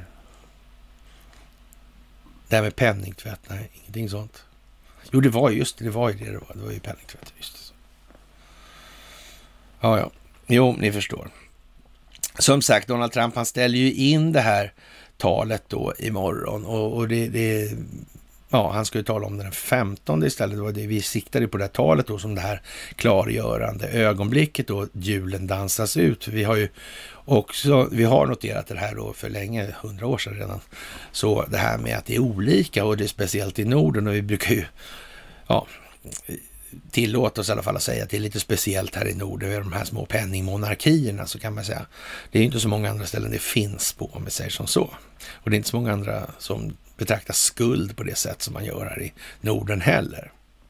Mm. Så det är, hänger ihop då. Men nu blev det inte så. Och det blir då i den 15 januari i Arizona då, BB39 haket liksom. Och det är ju trevligt naturligtvis, det tycker vi om.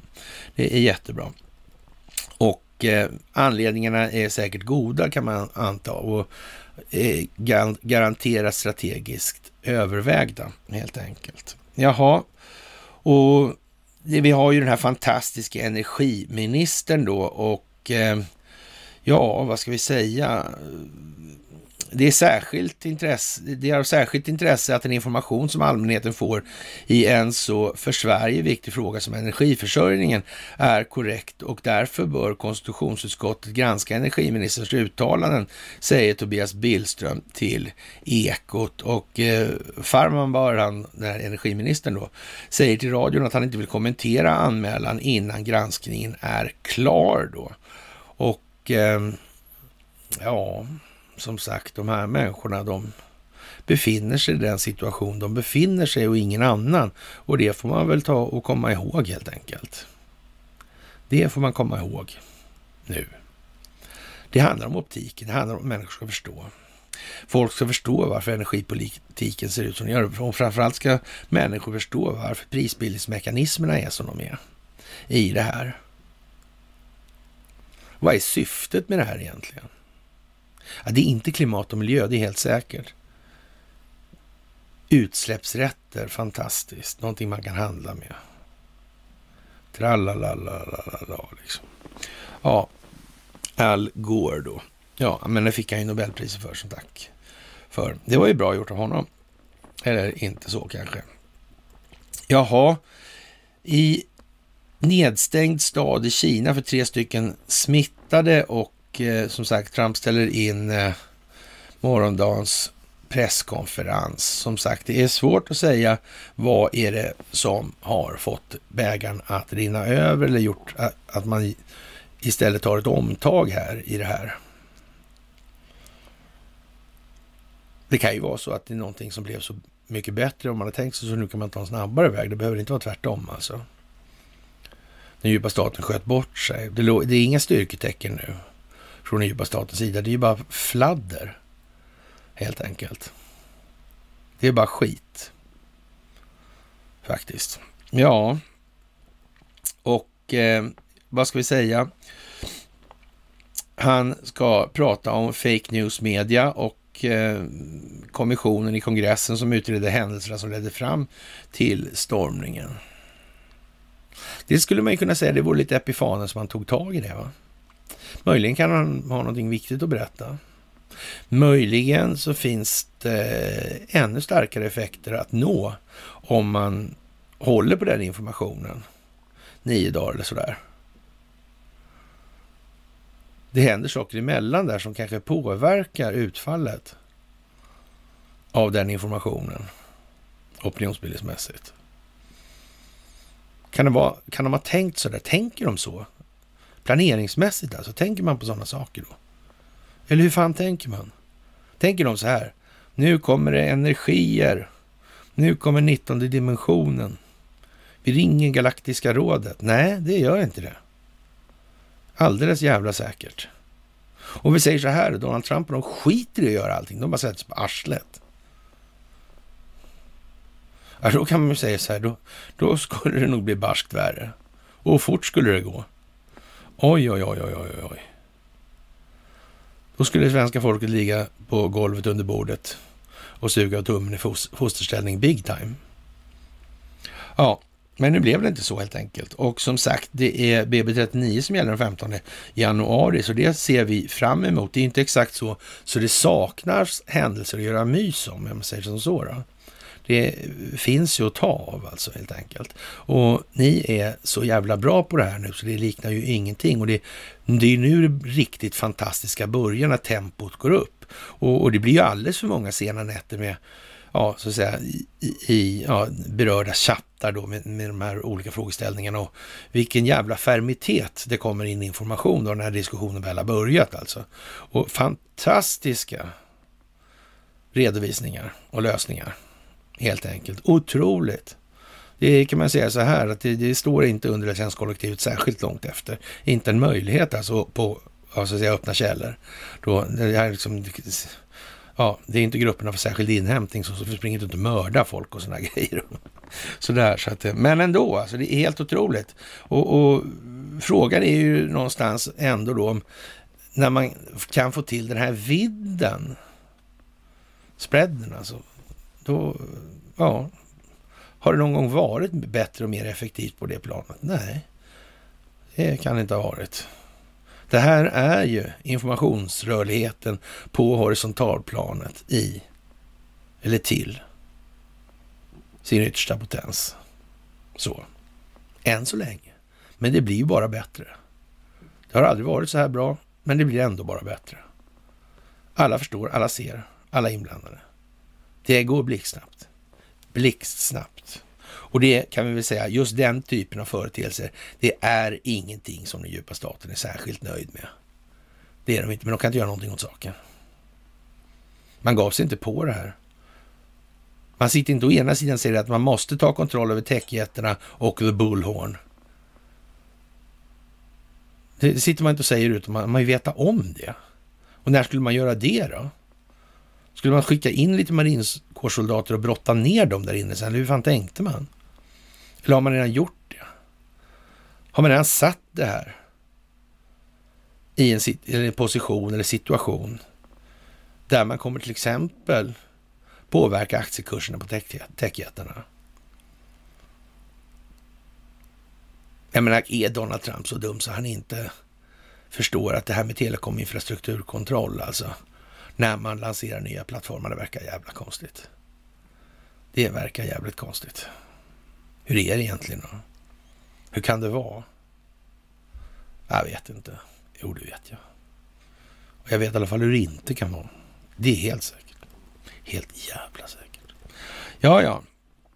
Än är som sagt inte julen slut. Vi tänkte att vår gamla nordiska vals skulle gå hädan där, men det gjorde den alltså inte, utan det blir lite till alltså, och en slankan hit och en slankan dit liksom, faktiskt. Och eh, ja, vad ska vi säga? Dieseln ska höjas till 30 kronor, säger då vår käre energiminister till 2030 och, och, och flaggar för det redan nu. Det är ju en stund kvar, sådär åtta år eller så, men ändå. Ja. Det kan ju komma innan då naturligtvis. Det ska vara, då ska det minst vara 30 spänn. Alltså det kan ju vara 30 om tre veckor också då, i så fall. Ja, det är, det är liksom en målsättning man har att göra den här dyr då alltså. Låter inte det där konstigt?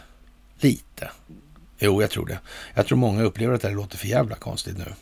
Och eh, ja, många börjar förstå, många börjar tänka, bör, många börjar känna. Och, och, men det kanske är dags att ta det här kännandet och analysera det egentligen. Vad beror det här på egentligen? Och vad är rimligt? Det här problemet som man upplever att man ser då. Hur, hur ser grunderna ut i det egentligen? Förstår man sig på det där? Alltså det är ingen ursäkt, absolut inte nu, att säga att man orkar inte. Det finns ju inte, det är en förklaring, det är ingen ursäkt. Då får man skylla sig själv helt enkelt. Man kan inte gnälla över att man blir lurad då, om man inte försöker. Faktiskt. Det kommer finnas två sorts människor. De som har försökt och de som inte har försökt. Punkt slut. Och, och säga, men jag trodde på himmelska rådet eller så. Ja, det duger inte helt enkelt.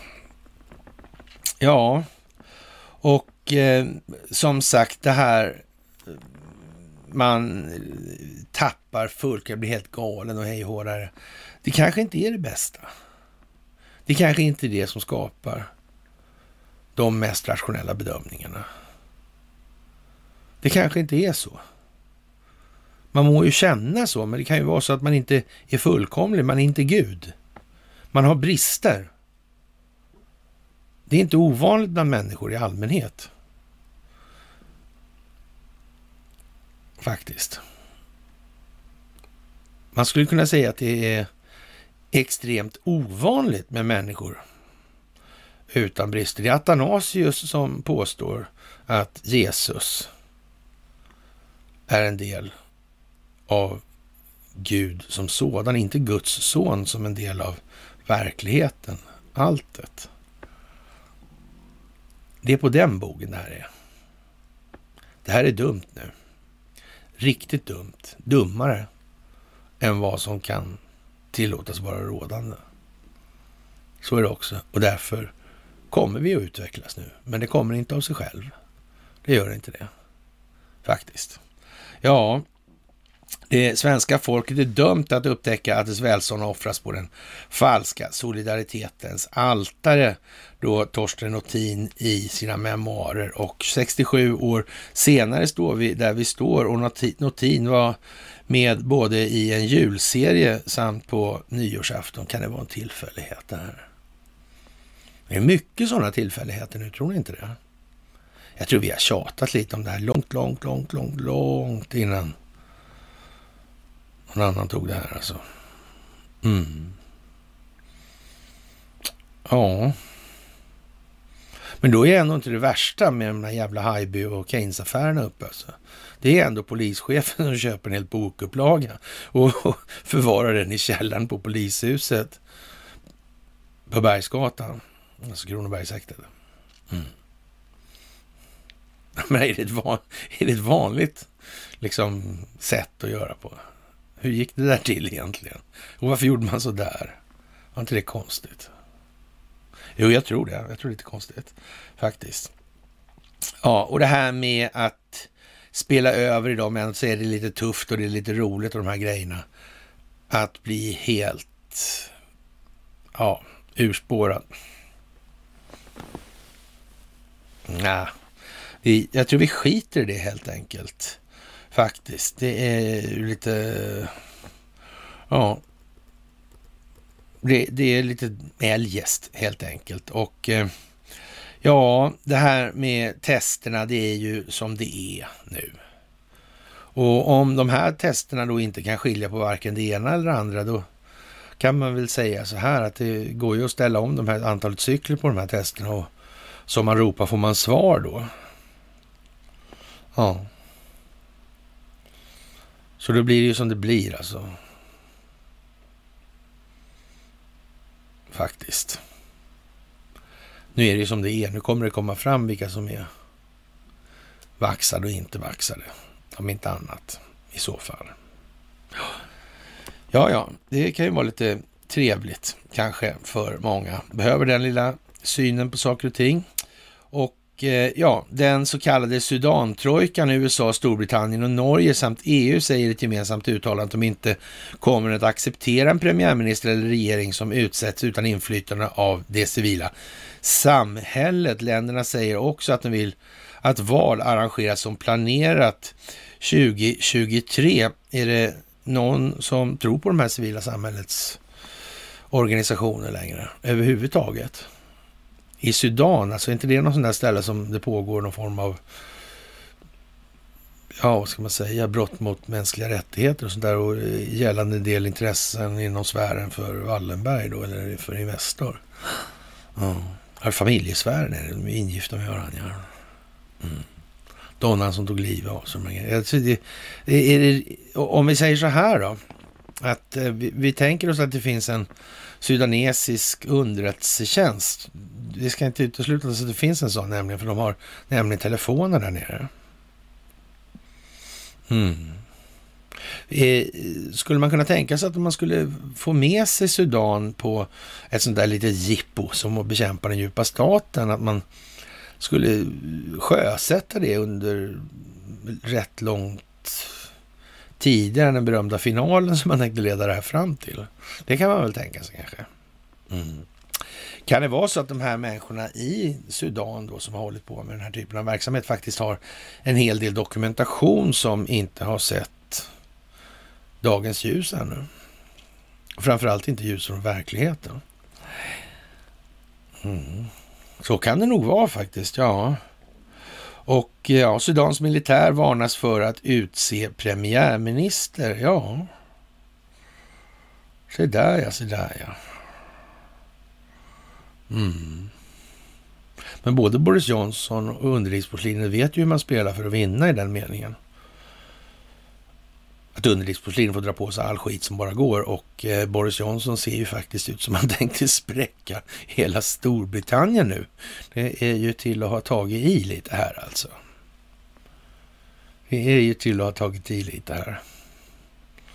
Ja. Vi får se vad det blir av det, men eh, ja, det saknas ju inte tecken på det i alla fall längre. Det kan man ju inte påstå. Jaha, och vad det blir av det, det lär vi få se och det beror naturligtvis lite grann på vilken spelordning det blir i de här sammanhangen. När flera länder och delstater runt om i världen kommer till slutsatsen att kriget mot narkotikan, alltså ett abstrakt, abstrakt substantiv då, och eh, inte kan vinnas. Det kunde väl aldrig vinnas liksom. Så det var ju inte med, det kunde inte från början heller. Men, och vi ska inte dra det här, men titta gärna på det här med Richard Nixon, Richard Nixon och det här med Watergate och, och slå lite på det när det gäller då vem som meddelade de här vad som hade bedrivits för verksamhet gällande de här militärkupperna i Sydlatinamerika där. Mm. Vem drog nyttan av de här grejerna? Egentligen. Mm. Har man vetat om det här under lång tid kanske? Från den sida som bekämpar den djupa staten. Det ser ut lite så. Om man tittar på kinesiska investeringar till exempel i de här sammanhangen. Mm. Mm. Mm. Ja, det kommer vi tillbaka till. Jaha, och eh, ja, som sagt, de har kommit till vi kan inte vinna det här då, med hårdare straff då, så ställs Sverige och andra förbudsivrande länder inför en ny situation. Alltså, de förbudsivrande länderna vill naturligtvis ha upp priserna på de här grejerna och därför håller man sig med sådana här grejer som farlighetsskala, alltså ni gjort farlighetsbedömningar. Det har en gubbe som heter Jonas Hartelius gjort i alla år. Då. Han anställde då på Carnegie då en annan lirare som myntade uttrycket Stockholmssyndromet, att Nils Bejerot. Och han är då narkotikapolitikens fader.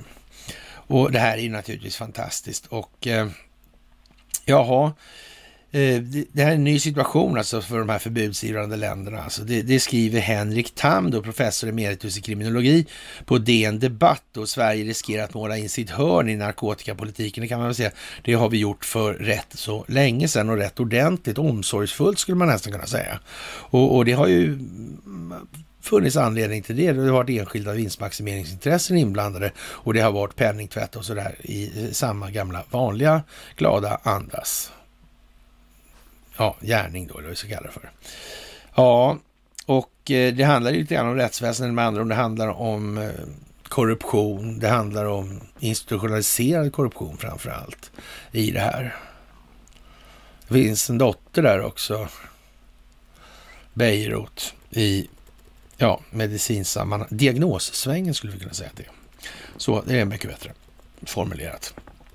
Jaha, vändpunkten för halvledare kommer under 2022. Det ljusnar vid horisonten. Ja, det gör det nog också, men vi har en bra bit kvar innan det här. Vi måste ju så att säga, ja, det måste klappa på lite här helt enkelt, så folk måste engageras och därför måste man från myndigheternas sida göra som man är åtsagda då i det här.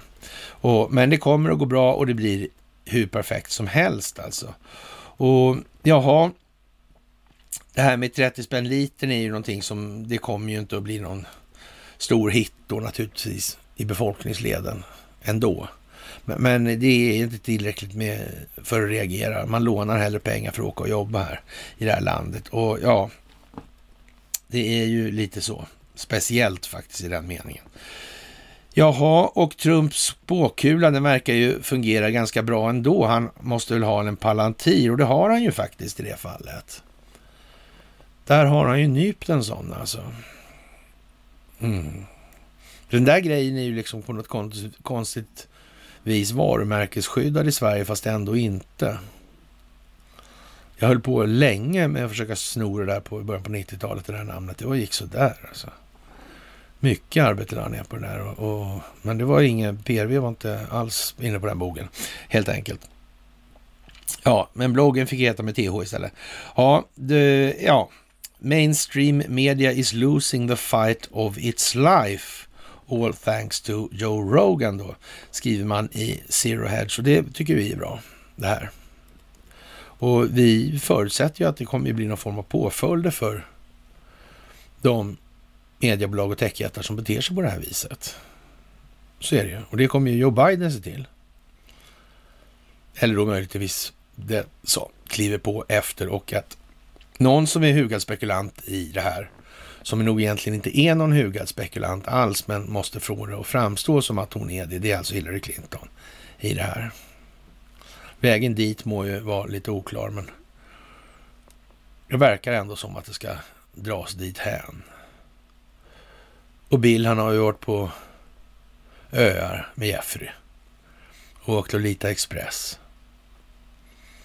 Och tänk som sagt, om det är så att Bill har dickat någon helt olämpligt och det finns förevigat i det här. Det är ungefär som den där lustiga målningen. Kanske någon som har dickat Bill. ja, nu ska vi inte vara sådana, men ja, ja, men det är ju fan lite HBQT ändå alltså. Sådär. Ja, lite speciellt i alla fall. Och vi, ja, vi får väl helt enkelt stilla avvakta i den här delen. Och när det gäller då Maxwell och Epstein så är det ju vad det är nu alltså. Det är ju Maxwell som är frågan. Och, och det måste folk förstå nu. Det handlar inte om de här andra varianterna. Det handlar om underrättelsetjänstkollektivet. Det handlar om hållhagsbusiness. Det handlar om geopolitik. Så. Det är vad det här är. Jaha. När det gäller det här med kryptovalutor så är det ju så att man har ju någon form av idé om att eh, Kina har lanserat sin, sin första digitala kontant då, eller vad vi ska kalla det för. Deras e-krona motsvarande då. Ja. Och det är inte så mycket protester mot det. Nej. Nej. Och fysiskt guld, det här med att bära runt metall liksom. Nej. Sådär va. Och jag ska ta det först som sist också, det här med inflationen. Då har man ju för länge sedan fått lära sig då liksom att det här med hyperinflation och det är återigen det här var inflation, det är ett inflöde liksom och prishöjningen det är en prishöjning. Det är inte, det är inte samma sak. Det ena är en möjlig konsekvens av det andra men mer är det inte. Och varför har man gjort så här då? Och varför gjorde man, det är ju ett jävla väsen kring det där med Weimar alltså. Men det var ju kontanter. Hur fan fick de fram alla kontanterna? Ja, då tryckte de. Jo, okej okay då. Mm. Men sen då? Hur kom de där kontanterna ut i cirkulation överhuvudtaget? Hur gick det till? Hur går det till när de här länderna i Centralamerika får sådana här hyperinflationsgrejer? Eller i Afrika. Hur går det till egentligen? De trycker dem på tryckeri någonstans och det brukar vara ett vanligt tryckeri då. Crane då. då. Mm, för, som tidigare låg i Tumba också. Tumba bruk där. Men hur fan får de ut pengarna i cirkulation? Hur går det till? Är det på någon investeringsbudget, statlig eller vad? Hur går det till där? Det måste ju nästan till att någon står och delar ut pengarna för att skapa den här situationen.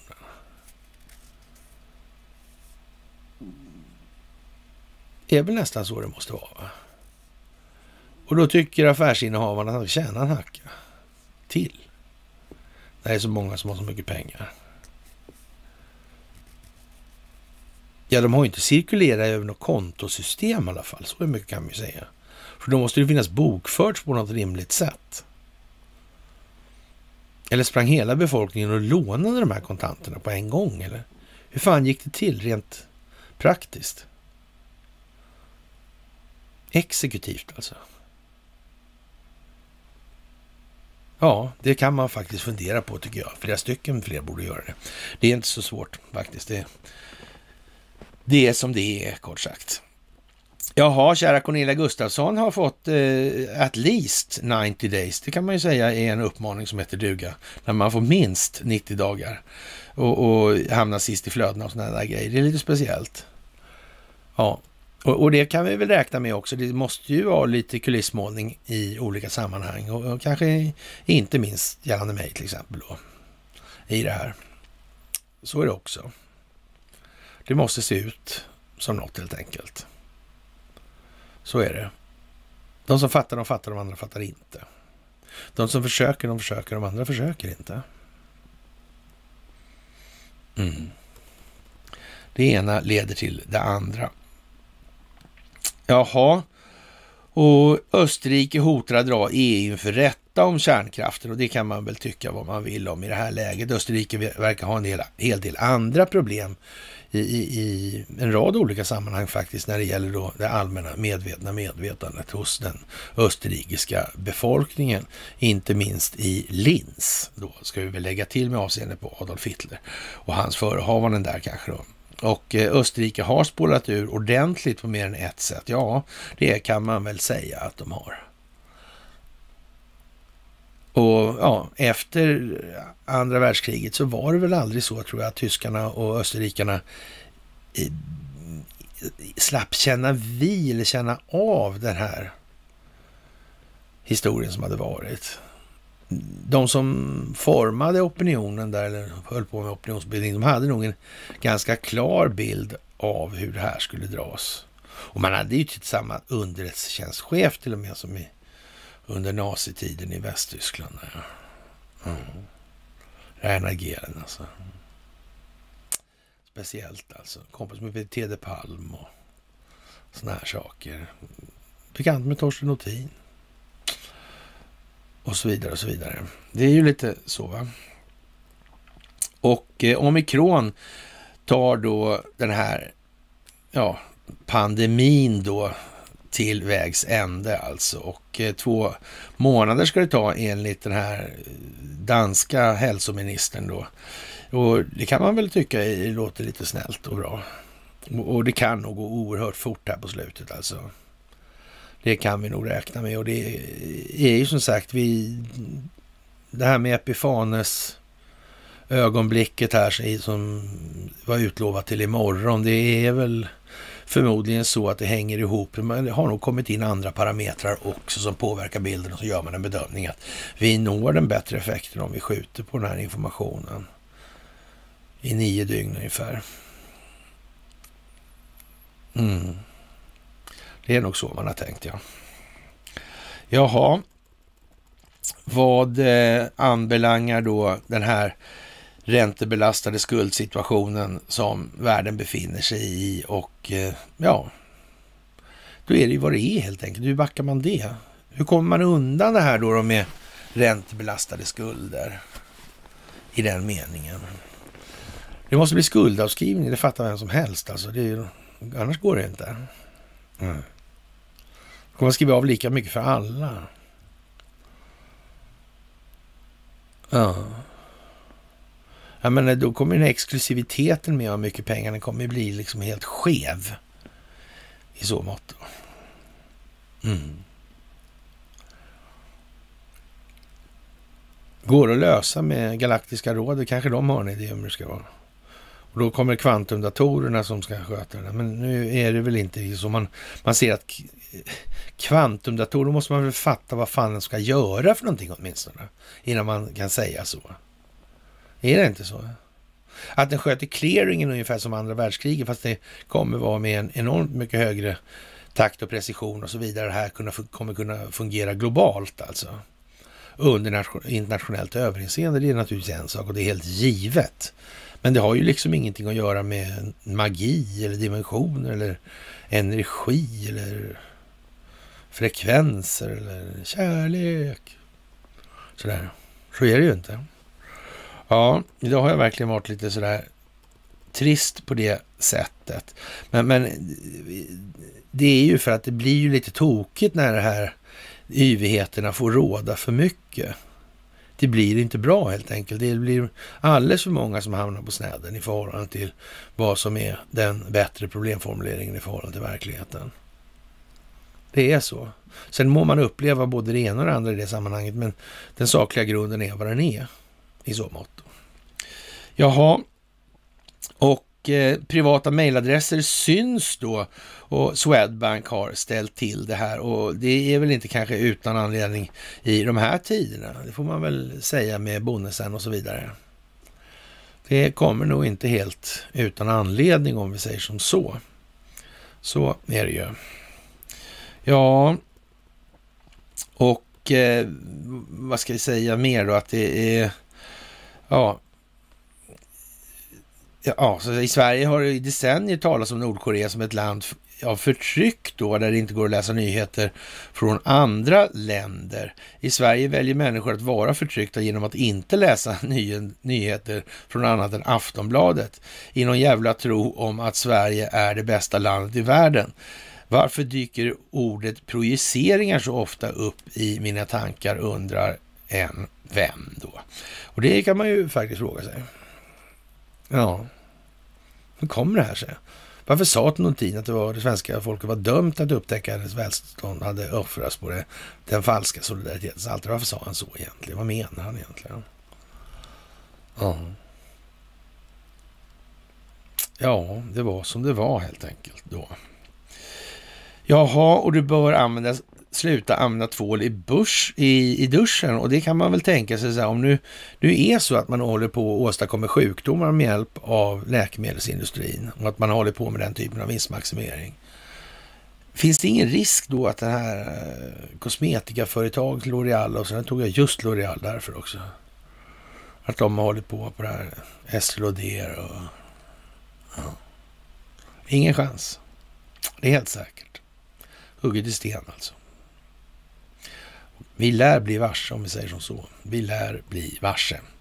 Det är nog så att redan nu så pågår rätt så stora förändringar och ett stort förändringsarbete har pågått länge i de här sammanhangen.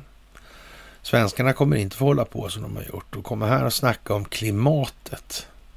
Jesus alltså. När man har som man har i Sundsvalls hamn. Med 69 000 tunnor kvicksilver eller vad fan det är. Ja. Alla de här sammanhangen. Är inte det konstigt egentligen? Borde det verkligen vara så? Vi, det, vi, men vi satsar på koldioxidbegränsningen istället. Sen kan vi stå liksom i giftigt träck upp till ögonbrynen liksom. Det gör ingenting. Det är okej. Okay. Det är okej. Okay. Jaha, Ja, någon ståtorra som smyger i skuggorna kanske numera, eller lämpligt i tiden och kungahuspandemin, alltså kungen och drottningen smittade med covid-19. Båda har lindriga symptom påstår de då. Och eh, ja, saxen coburg gåta ta med fan då liksom. Ja, vad ska vi säga? Kungahuset, historien om det här. Vi har dragit det många gånger. Det kommer tillbaka hela tiden. Det vill inte släppa i de här sammanhangen. Vi är en penningmonarki. I någon form av konstitutionell mening här. Kungen har rätt att prägla mynt. Mm. Ja, det här är ju märkligt. Det blir många lagar som blir påverkade av det om grundlagarna förändras. Mm. Kanske därför sossarna inte har det där med vad de har i valprogrammet. Vem vet? Kan ha något med det här att göra kanske. Göran Persson var sosse va? Jan Eliasson också. Ja, sådär.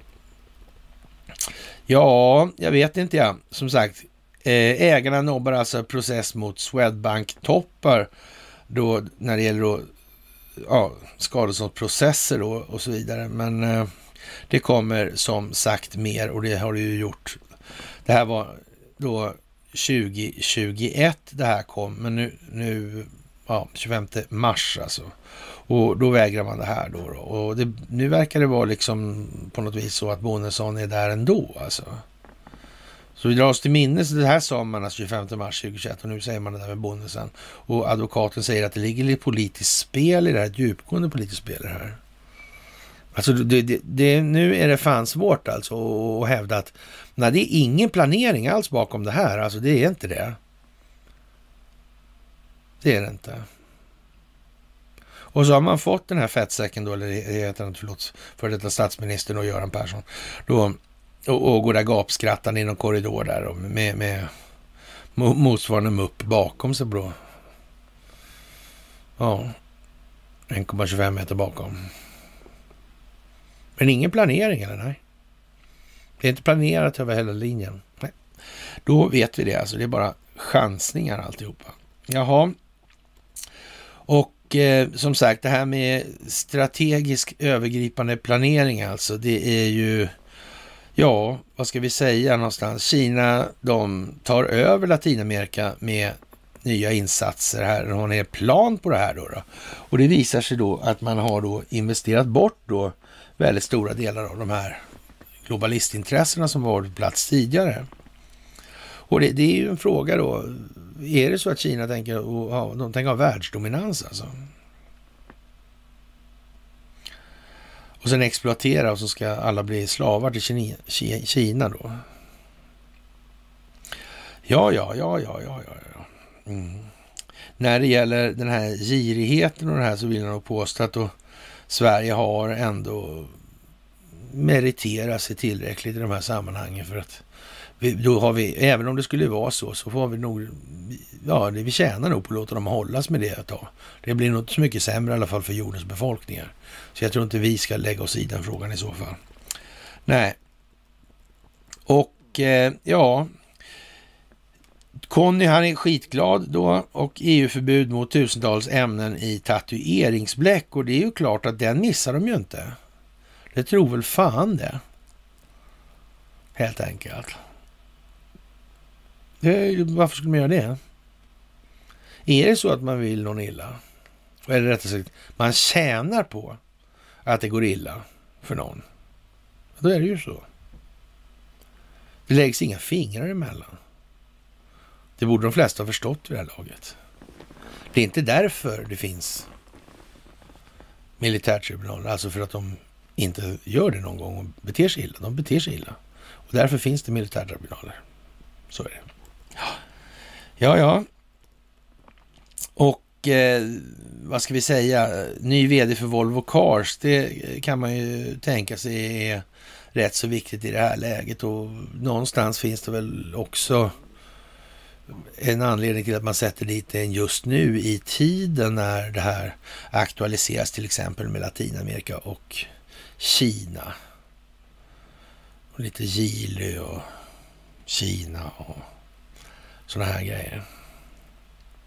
Det kan väl vara så. Faktiskt. Eller rättare sagt, det kan inte vara på något annat vis.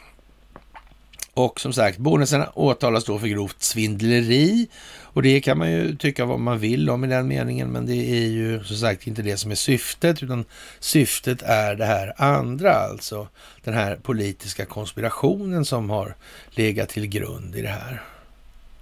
Och att man kallar då så att säga, strategisk planering för konspiration, ja det, det har, gör man av en anledning i de här sammanhangen då. Och det stavas CIA alltså i det här. Så, jaha. Det är många som tycker massor med saker och några som tycker massor med saker om Evergrande, det är ju Kina. Och det här är ju någonting som är lite lattjo. Det kommer att eh, bli en smäll finansiellt. Och den kommer att vara välriktad. Den kommer ta där den ska ta. Helt enkelt. Det här är planerat lika länge det. Det här är planerat ur en jävla massa olika perspektiv som ligger bredvid varann. Det är så att man har räknat på sekvenserna ur de här perspektiven och man har korstabulerat för att skapa synergieffekter, alltså vidare perspektiv som gynnas av det här. Det är helt säkert. Det är inte bara i fallet Swedbank och Göran Persson det här har pågått alltså. Det pågår över hela linjen hela tiden alltså. Regeringens samverkan då ska stoppa penningtvätt och ja, mitt första steg blir att öppna spjällen mellan bankerna och myndigheter i akt och mening att sätta dit fler kriminella, skriver en herr Elger då, då i det här. Och eh, ja, det får man väl tycka låter bra. Eller vänta här nu. Vad är det han säger för någonting? Mitt första steg blir att öppna spjällen mellan banker och myndigheter. Eh, vadå, har inte myndigheterna kunnat gå in där som de vill, utan har det varit banksekretess där? Är det så? Och sen har man kontrollerat de myndigheter som ska granska det här dessutom. Jaha. Kan det vara så man har gjort? Typ som Stockholmsbyråkrater alltid gör? Eller? Jo, men så kan det nog vara faktiskt. Så kan det ju vara. Och eh, det är naturligtvis bra om det där blir fint. Och det återstår att se, men det blir ju bättre i alla fall. Jaha, Kanada dömer Iran till skadestånd för nedskjutet plan, alltså det här med den med ukrainare på och rätt många svenskar också. Det handlar ju om kärnkraft, va? Mm. Någon var på och snodde sig in i systemet, hackade sig in i systemet och drog ner den där kärran. Mm. Det blir en rättegång där alltså? Ja, det var en rättegång alltså? Ja. Ja, men då är det kanske bra då att det kan överklagas då i alla fall. Mm. Vem vet, kanske tillkommer bevisning. Det kanske pågått signalspaning där redan innan. kanske visar sig att det finns fler operatörer i den där soppan än vad man kanske först får intrycket av. Så kan det vara också. Ja. Nordkoreansk dans ska förhindra smittspridning. Utklädd till handspritflaskor och febertermometer då så ska nordkoreanerna bli mindre smittade då. Och eh, ja, det är väl ungefär sådär. Vad ska vi säga? Ungefär så löjligt det är nu här i Sverige. Och de skrattar ju ihjäl oss såklart. Och eh, ja, man får inte diskriminera amerikanska sjömän och marinkårssoldater. Det är bara så. Med hjälp av det här vaxandet. Så är det också. Det är brott mot konstitutionen. Så det är ju som det är och det kommer bli överprövningar på det här givetvis. Och vi har väl en hel del att se fram NATO Blixten kallar till ett extrainsatt utrikesministermöte på fredagen då, alltså i övermorgon. Rapporterar norska medier. Mötet ska handla om Ukraina och kommer att ledas av generalsekreteraren Jens Stoltenberg. Nu blev det ju inget imorgon den sjätte i det här. Och det, det, det får man väl säga så här, det är inte alldeles säkert att det inte har med varandra att göra det här också. Det är som sagt det är många saker som ska vägas in i det här. Det är inte bara det där med Bonnesens åtal och glada miner på Göran Persson i mars då förra året och, och det skulle inte bli några åtal och, och bla bla bla. Liksom. Som sagt, det, det är den andra sidan, de som motverkar glyfosat, de har planerat det här. Sen får folk tro vad fan de vill alltså. Och, och, det är bara att mala på. Det kommer att visa sig. Vi kommer att få så mycket optik vi behöver för att människor ska förstå det här. Och sen kan man ju tycka att det är tradigt att behöva sitta och älta samma saker om och om igen sådär, men det är lika förbannat det som är uppgiften, det och ingenting annat i den meningen. Vi måste vara på det klara med vad som utgör det faktiska problemet till grunden. Så, jaha, och det är, blir lite oljebränder i Sibirien såklart och det måste ju flamma upp lite här och var i de här sammanhangen. Det finns naturligtvis alltid eh, friåkare i de här sammanhangen som förstår att nu står det en massa saker från dörren, eller för dörren och de som befinner sig i statsförvaltningar och så vidare runt om på jorden, de avgår i den, om de nu har möjlighet till det gör de ju det då naturligtvis, de vill inte stå kvar med den här skiten någon längre tid i vart fall. Jaha, och eh, stort signalfel i Linköping faktiskt igår. Och ja, påverkar alla tåg mellan Malmö och Stockholm. Anledningen är ett växelfel alltså. Och eh, ja, det är ju lite udda det där alltså. hur de här grejerna är så, infrastrukturella grejerna tydligen är så känsliga i de här sammanhangen nu, i de här tiderna. Ja. Vi får väl se helt enkelt. Och eh, ja, när det gäller den här utrullningen av 5G i USA som vi var inne på så vägrar man ju först från företagens sida då och det har ju liksom lite märkligt det där. Alltså ett företag kan de bara göra det alltså. Riskera flygsäkerheten och så vidare hur som helst. Eller var det här någonting annat, kanske tvärtom? Var det någonting man såg att de höll på med och tänkte göra? Och störa ner ett antal plan och stjäla massa medialt fokus från annat. Kan det vara så? Ja, de lyssnar kanske på mysen. Man vet ju inte. Företagen bekräftade pausen i separata uttalanden i måndags med Verizon. Det är han med svensken där alltså, som kommer från Ericsson. Ja. Som uppgav att de hade gått med på en två veckors försening vid vilket lovar säkerheten om att föra denna nation, vårt spelförändrande 5G-nätverk i januari. Då. AT&T sa under tiden att de accepterade samma två veckors paus på begäran av transportsekreteraren Pete Buttigieg. Ja men alltså, shit. Buttigieg liksom. Ja, rövjigget liksom. Ja, men okej. Okay. Och lade till, vi vet att flygsäkerhet och 5G kan samexistera och vi är säkra på att ytterligare samarbete och teknisk bedömning kommer att dämpa en, ett Y-problem här alltså. Aha. Ja, beslutet står i stark kontrast med de uttalanden från AT&T och Verizon som kom 24 timmar tidigare bara, där företagen insisterade på att de skulle hålla sig till tidigare fastställt utrullningsdatum den 5 januari. De hävdade att varje försening skulle innebära ett oansvar, en oansvarig abdikering av den driftstyrning som krävs för att bygga ut världsklass på 5G och globalt konkurrenskraftiga kommunikationsnät. Men det här är ingenting som är planerat alltså. Och att de plötsligt kom och sa att ni måste sluta med det där nu. och då säger de, nej vi måste köra. Och sen sa de någonting som gjorde att de fick för sig att de inte skulle köra. Mm. Så är det. Så är det. Ja.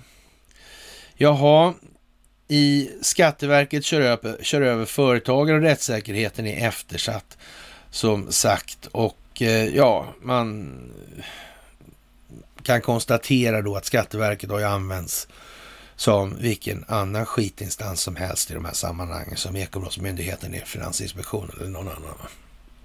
Det är rena skiten och tramset och ingenting annat. Och givetvis, det var ju ingenting som var originellt för USA när de torskade med de IRS och Louis Lerner och det där. Louis Lerner ska jag säga. Det är ju bara vad det är helt enkelt. Ja, det svenska rättssystemet är vad det är och Skatteverket är naturligtvis extremt vad de är. Ja, faktiskt. Vi har ju en del att se fram emot nu i vad som kommer. Det ska man ju inte sticka under stol med faktiskt. Och eh, ja, de här techjättarna, de är vad de är. Och de måste kontrolleras. Den amerikanska bullhorn alltså, eller då det här vikingahornet då, eller vad man ska säga. Gudahornet som finns, som Heimdall har, som kommunicerar med människorna. Det måste också tas. Man gick inte in i det här om man inte hade det klart för sig. Alltså, det, det, så var det inte. Glöm det. Man kan till och med säga så här. Att vi inte tillverkar så mycket tidningspapper längre i det här. Här ska inte göras några jävla pamfletter helt enkelt. Nej. Den risken tar man inte. Det ska man tänka på också. Det är många som har tänkt. Och de har tänkt för jävla bra också i några fall. Det måste man ge dem. Eller, datorn har tänkt jävligt bra då kan vi säga. Så är det ju. Ja, som sagt, det är mycket, mycket, mycket speciellt det här och ja, vi får vara så jävla tacksamma för att vi får med och uppleva det här och Eh, många har lärt sig mycket på den här resan faktiskt och det är otroligt glädjande att se. Och eh, Naziguldet och Riksbanken dök upp här, interimsrapporten då, 1998 kolon 96 alltså. Det är ju, och den är riktigt trevlig alltså. Den är ju fantastisk. Man, man, kan inte missa det här egentligen. Och, vem fan är det som får smälta guldtackor och, eh, i en sån omfattning att, att det ska få en statlig stämpel alltså? Vem är det som gör det? Var ligger det statliga smälteriet någonstans? Ligger det i anslutning till Guldgruvan? För de kanske har någon sån eller nej. Ja, hur är det här egentligen? Har det här hållit på länge? Det handlar ju om det där naziguldet där som är tandguld och allt vad det var. Ja. Och det var ju samma som fanns i 99 20 också som lärdes av Göran Persson var det Så var det ja. Ja, ja, ja, ja. Sen gjorde han Östersjöprojekt och bla, bla, bla, bla. Skapade Forum för levande historia med Henrik Bachner och det gänget. Ja, det var så det var ja. Ja, ja, men det var ingen som hade tänkt och ingen som hade planerat någonting. Men sen kom det annat.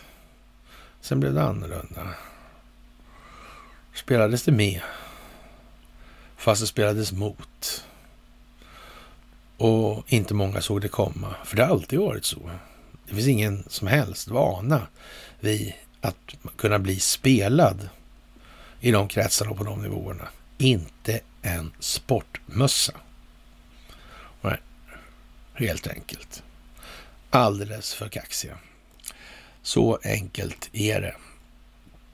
Jaha, som sagt, pappersstrejk i Finland hotar svenska ja, tidskrifter. Ja, som av en händelse har ju vi då så att säga till stora delar gjort oss av med vår produktion av tidningspapper. Samtidigt som det här händer. Vad vet jag, vad vet jag, om det handlar om att få kontroll för det här gällhornet då. då. Och eh, ja, som sagt, energiministern då tycker att det finns lägen där kärnkraft kan vara hållbar. Är det inte fantastiskt? Så säg alltså, inte ett öga i torrt alltså. Jaha, och eh, vi får väl konstatera helt enkelt nu att eh, vi står inför något helt otroligt fantastiskt. Och många människor är otroligt vilsna i det här. Och den roll som vi spelar i de här sammanhangen därför, den är, går faktiskt inte att överskatta. Det är bara så. Det är mycket bättre att hålla fötterna på marken. Att adressera de problem som faktiskt existerar. Och jag tror att eh, de flesta av er faktiskt börjar inse att det är där, de här som håller på med det där andra. Ja, ja, ja, ja, ja. Det kan vara som det är, helt enkelt. Det är ingen idé att lägga för mycket tid på det heller. Men eh, då, kära vänner, så vill väl jag påstå att vi har gjort vad vi ska för idag då. Och eh, ja, vad ska vi säga? Nu är det onsdag och i övermorgon är det fredag. Och eh, ja, det är inte alldeles osannolikt att vi syns då sådär. Och med det så tycker jag vi kan avsluta dagens övningar med att önska varandra en trevlig piglördag. Vi syns på fredag.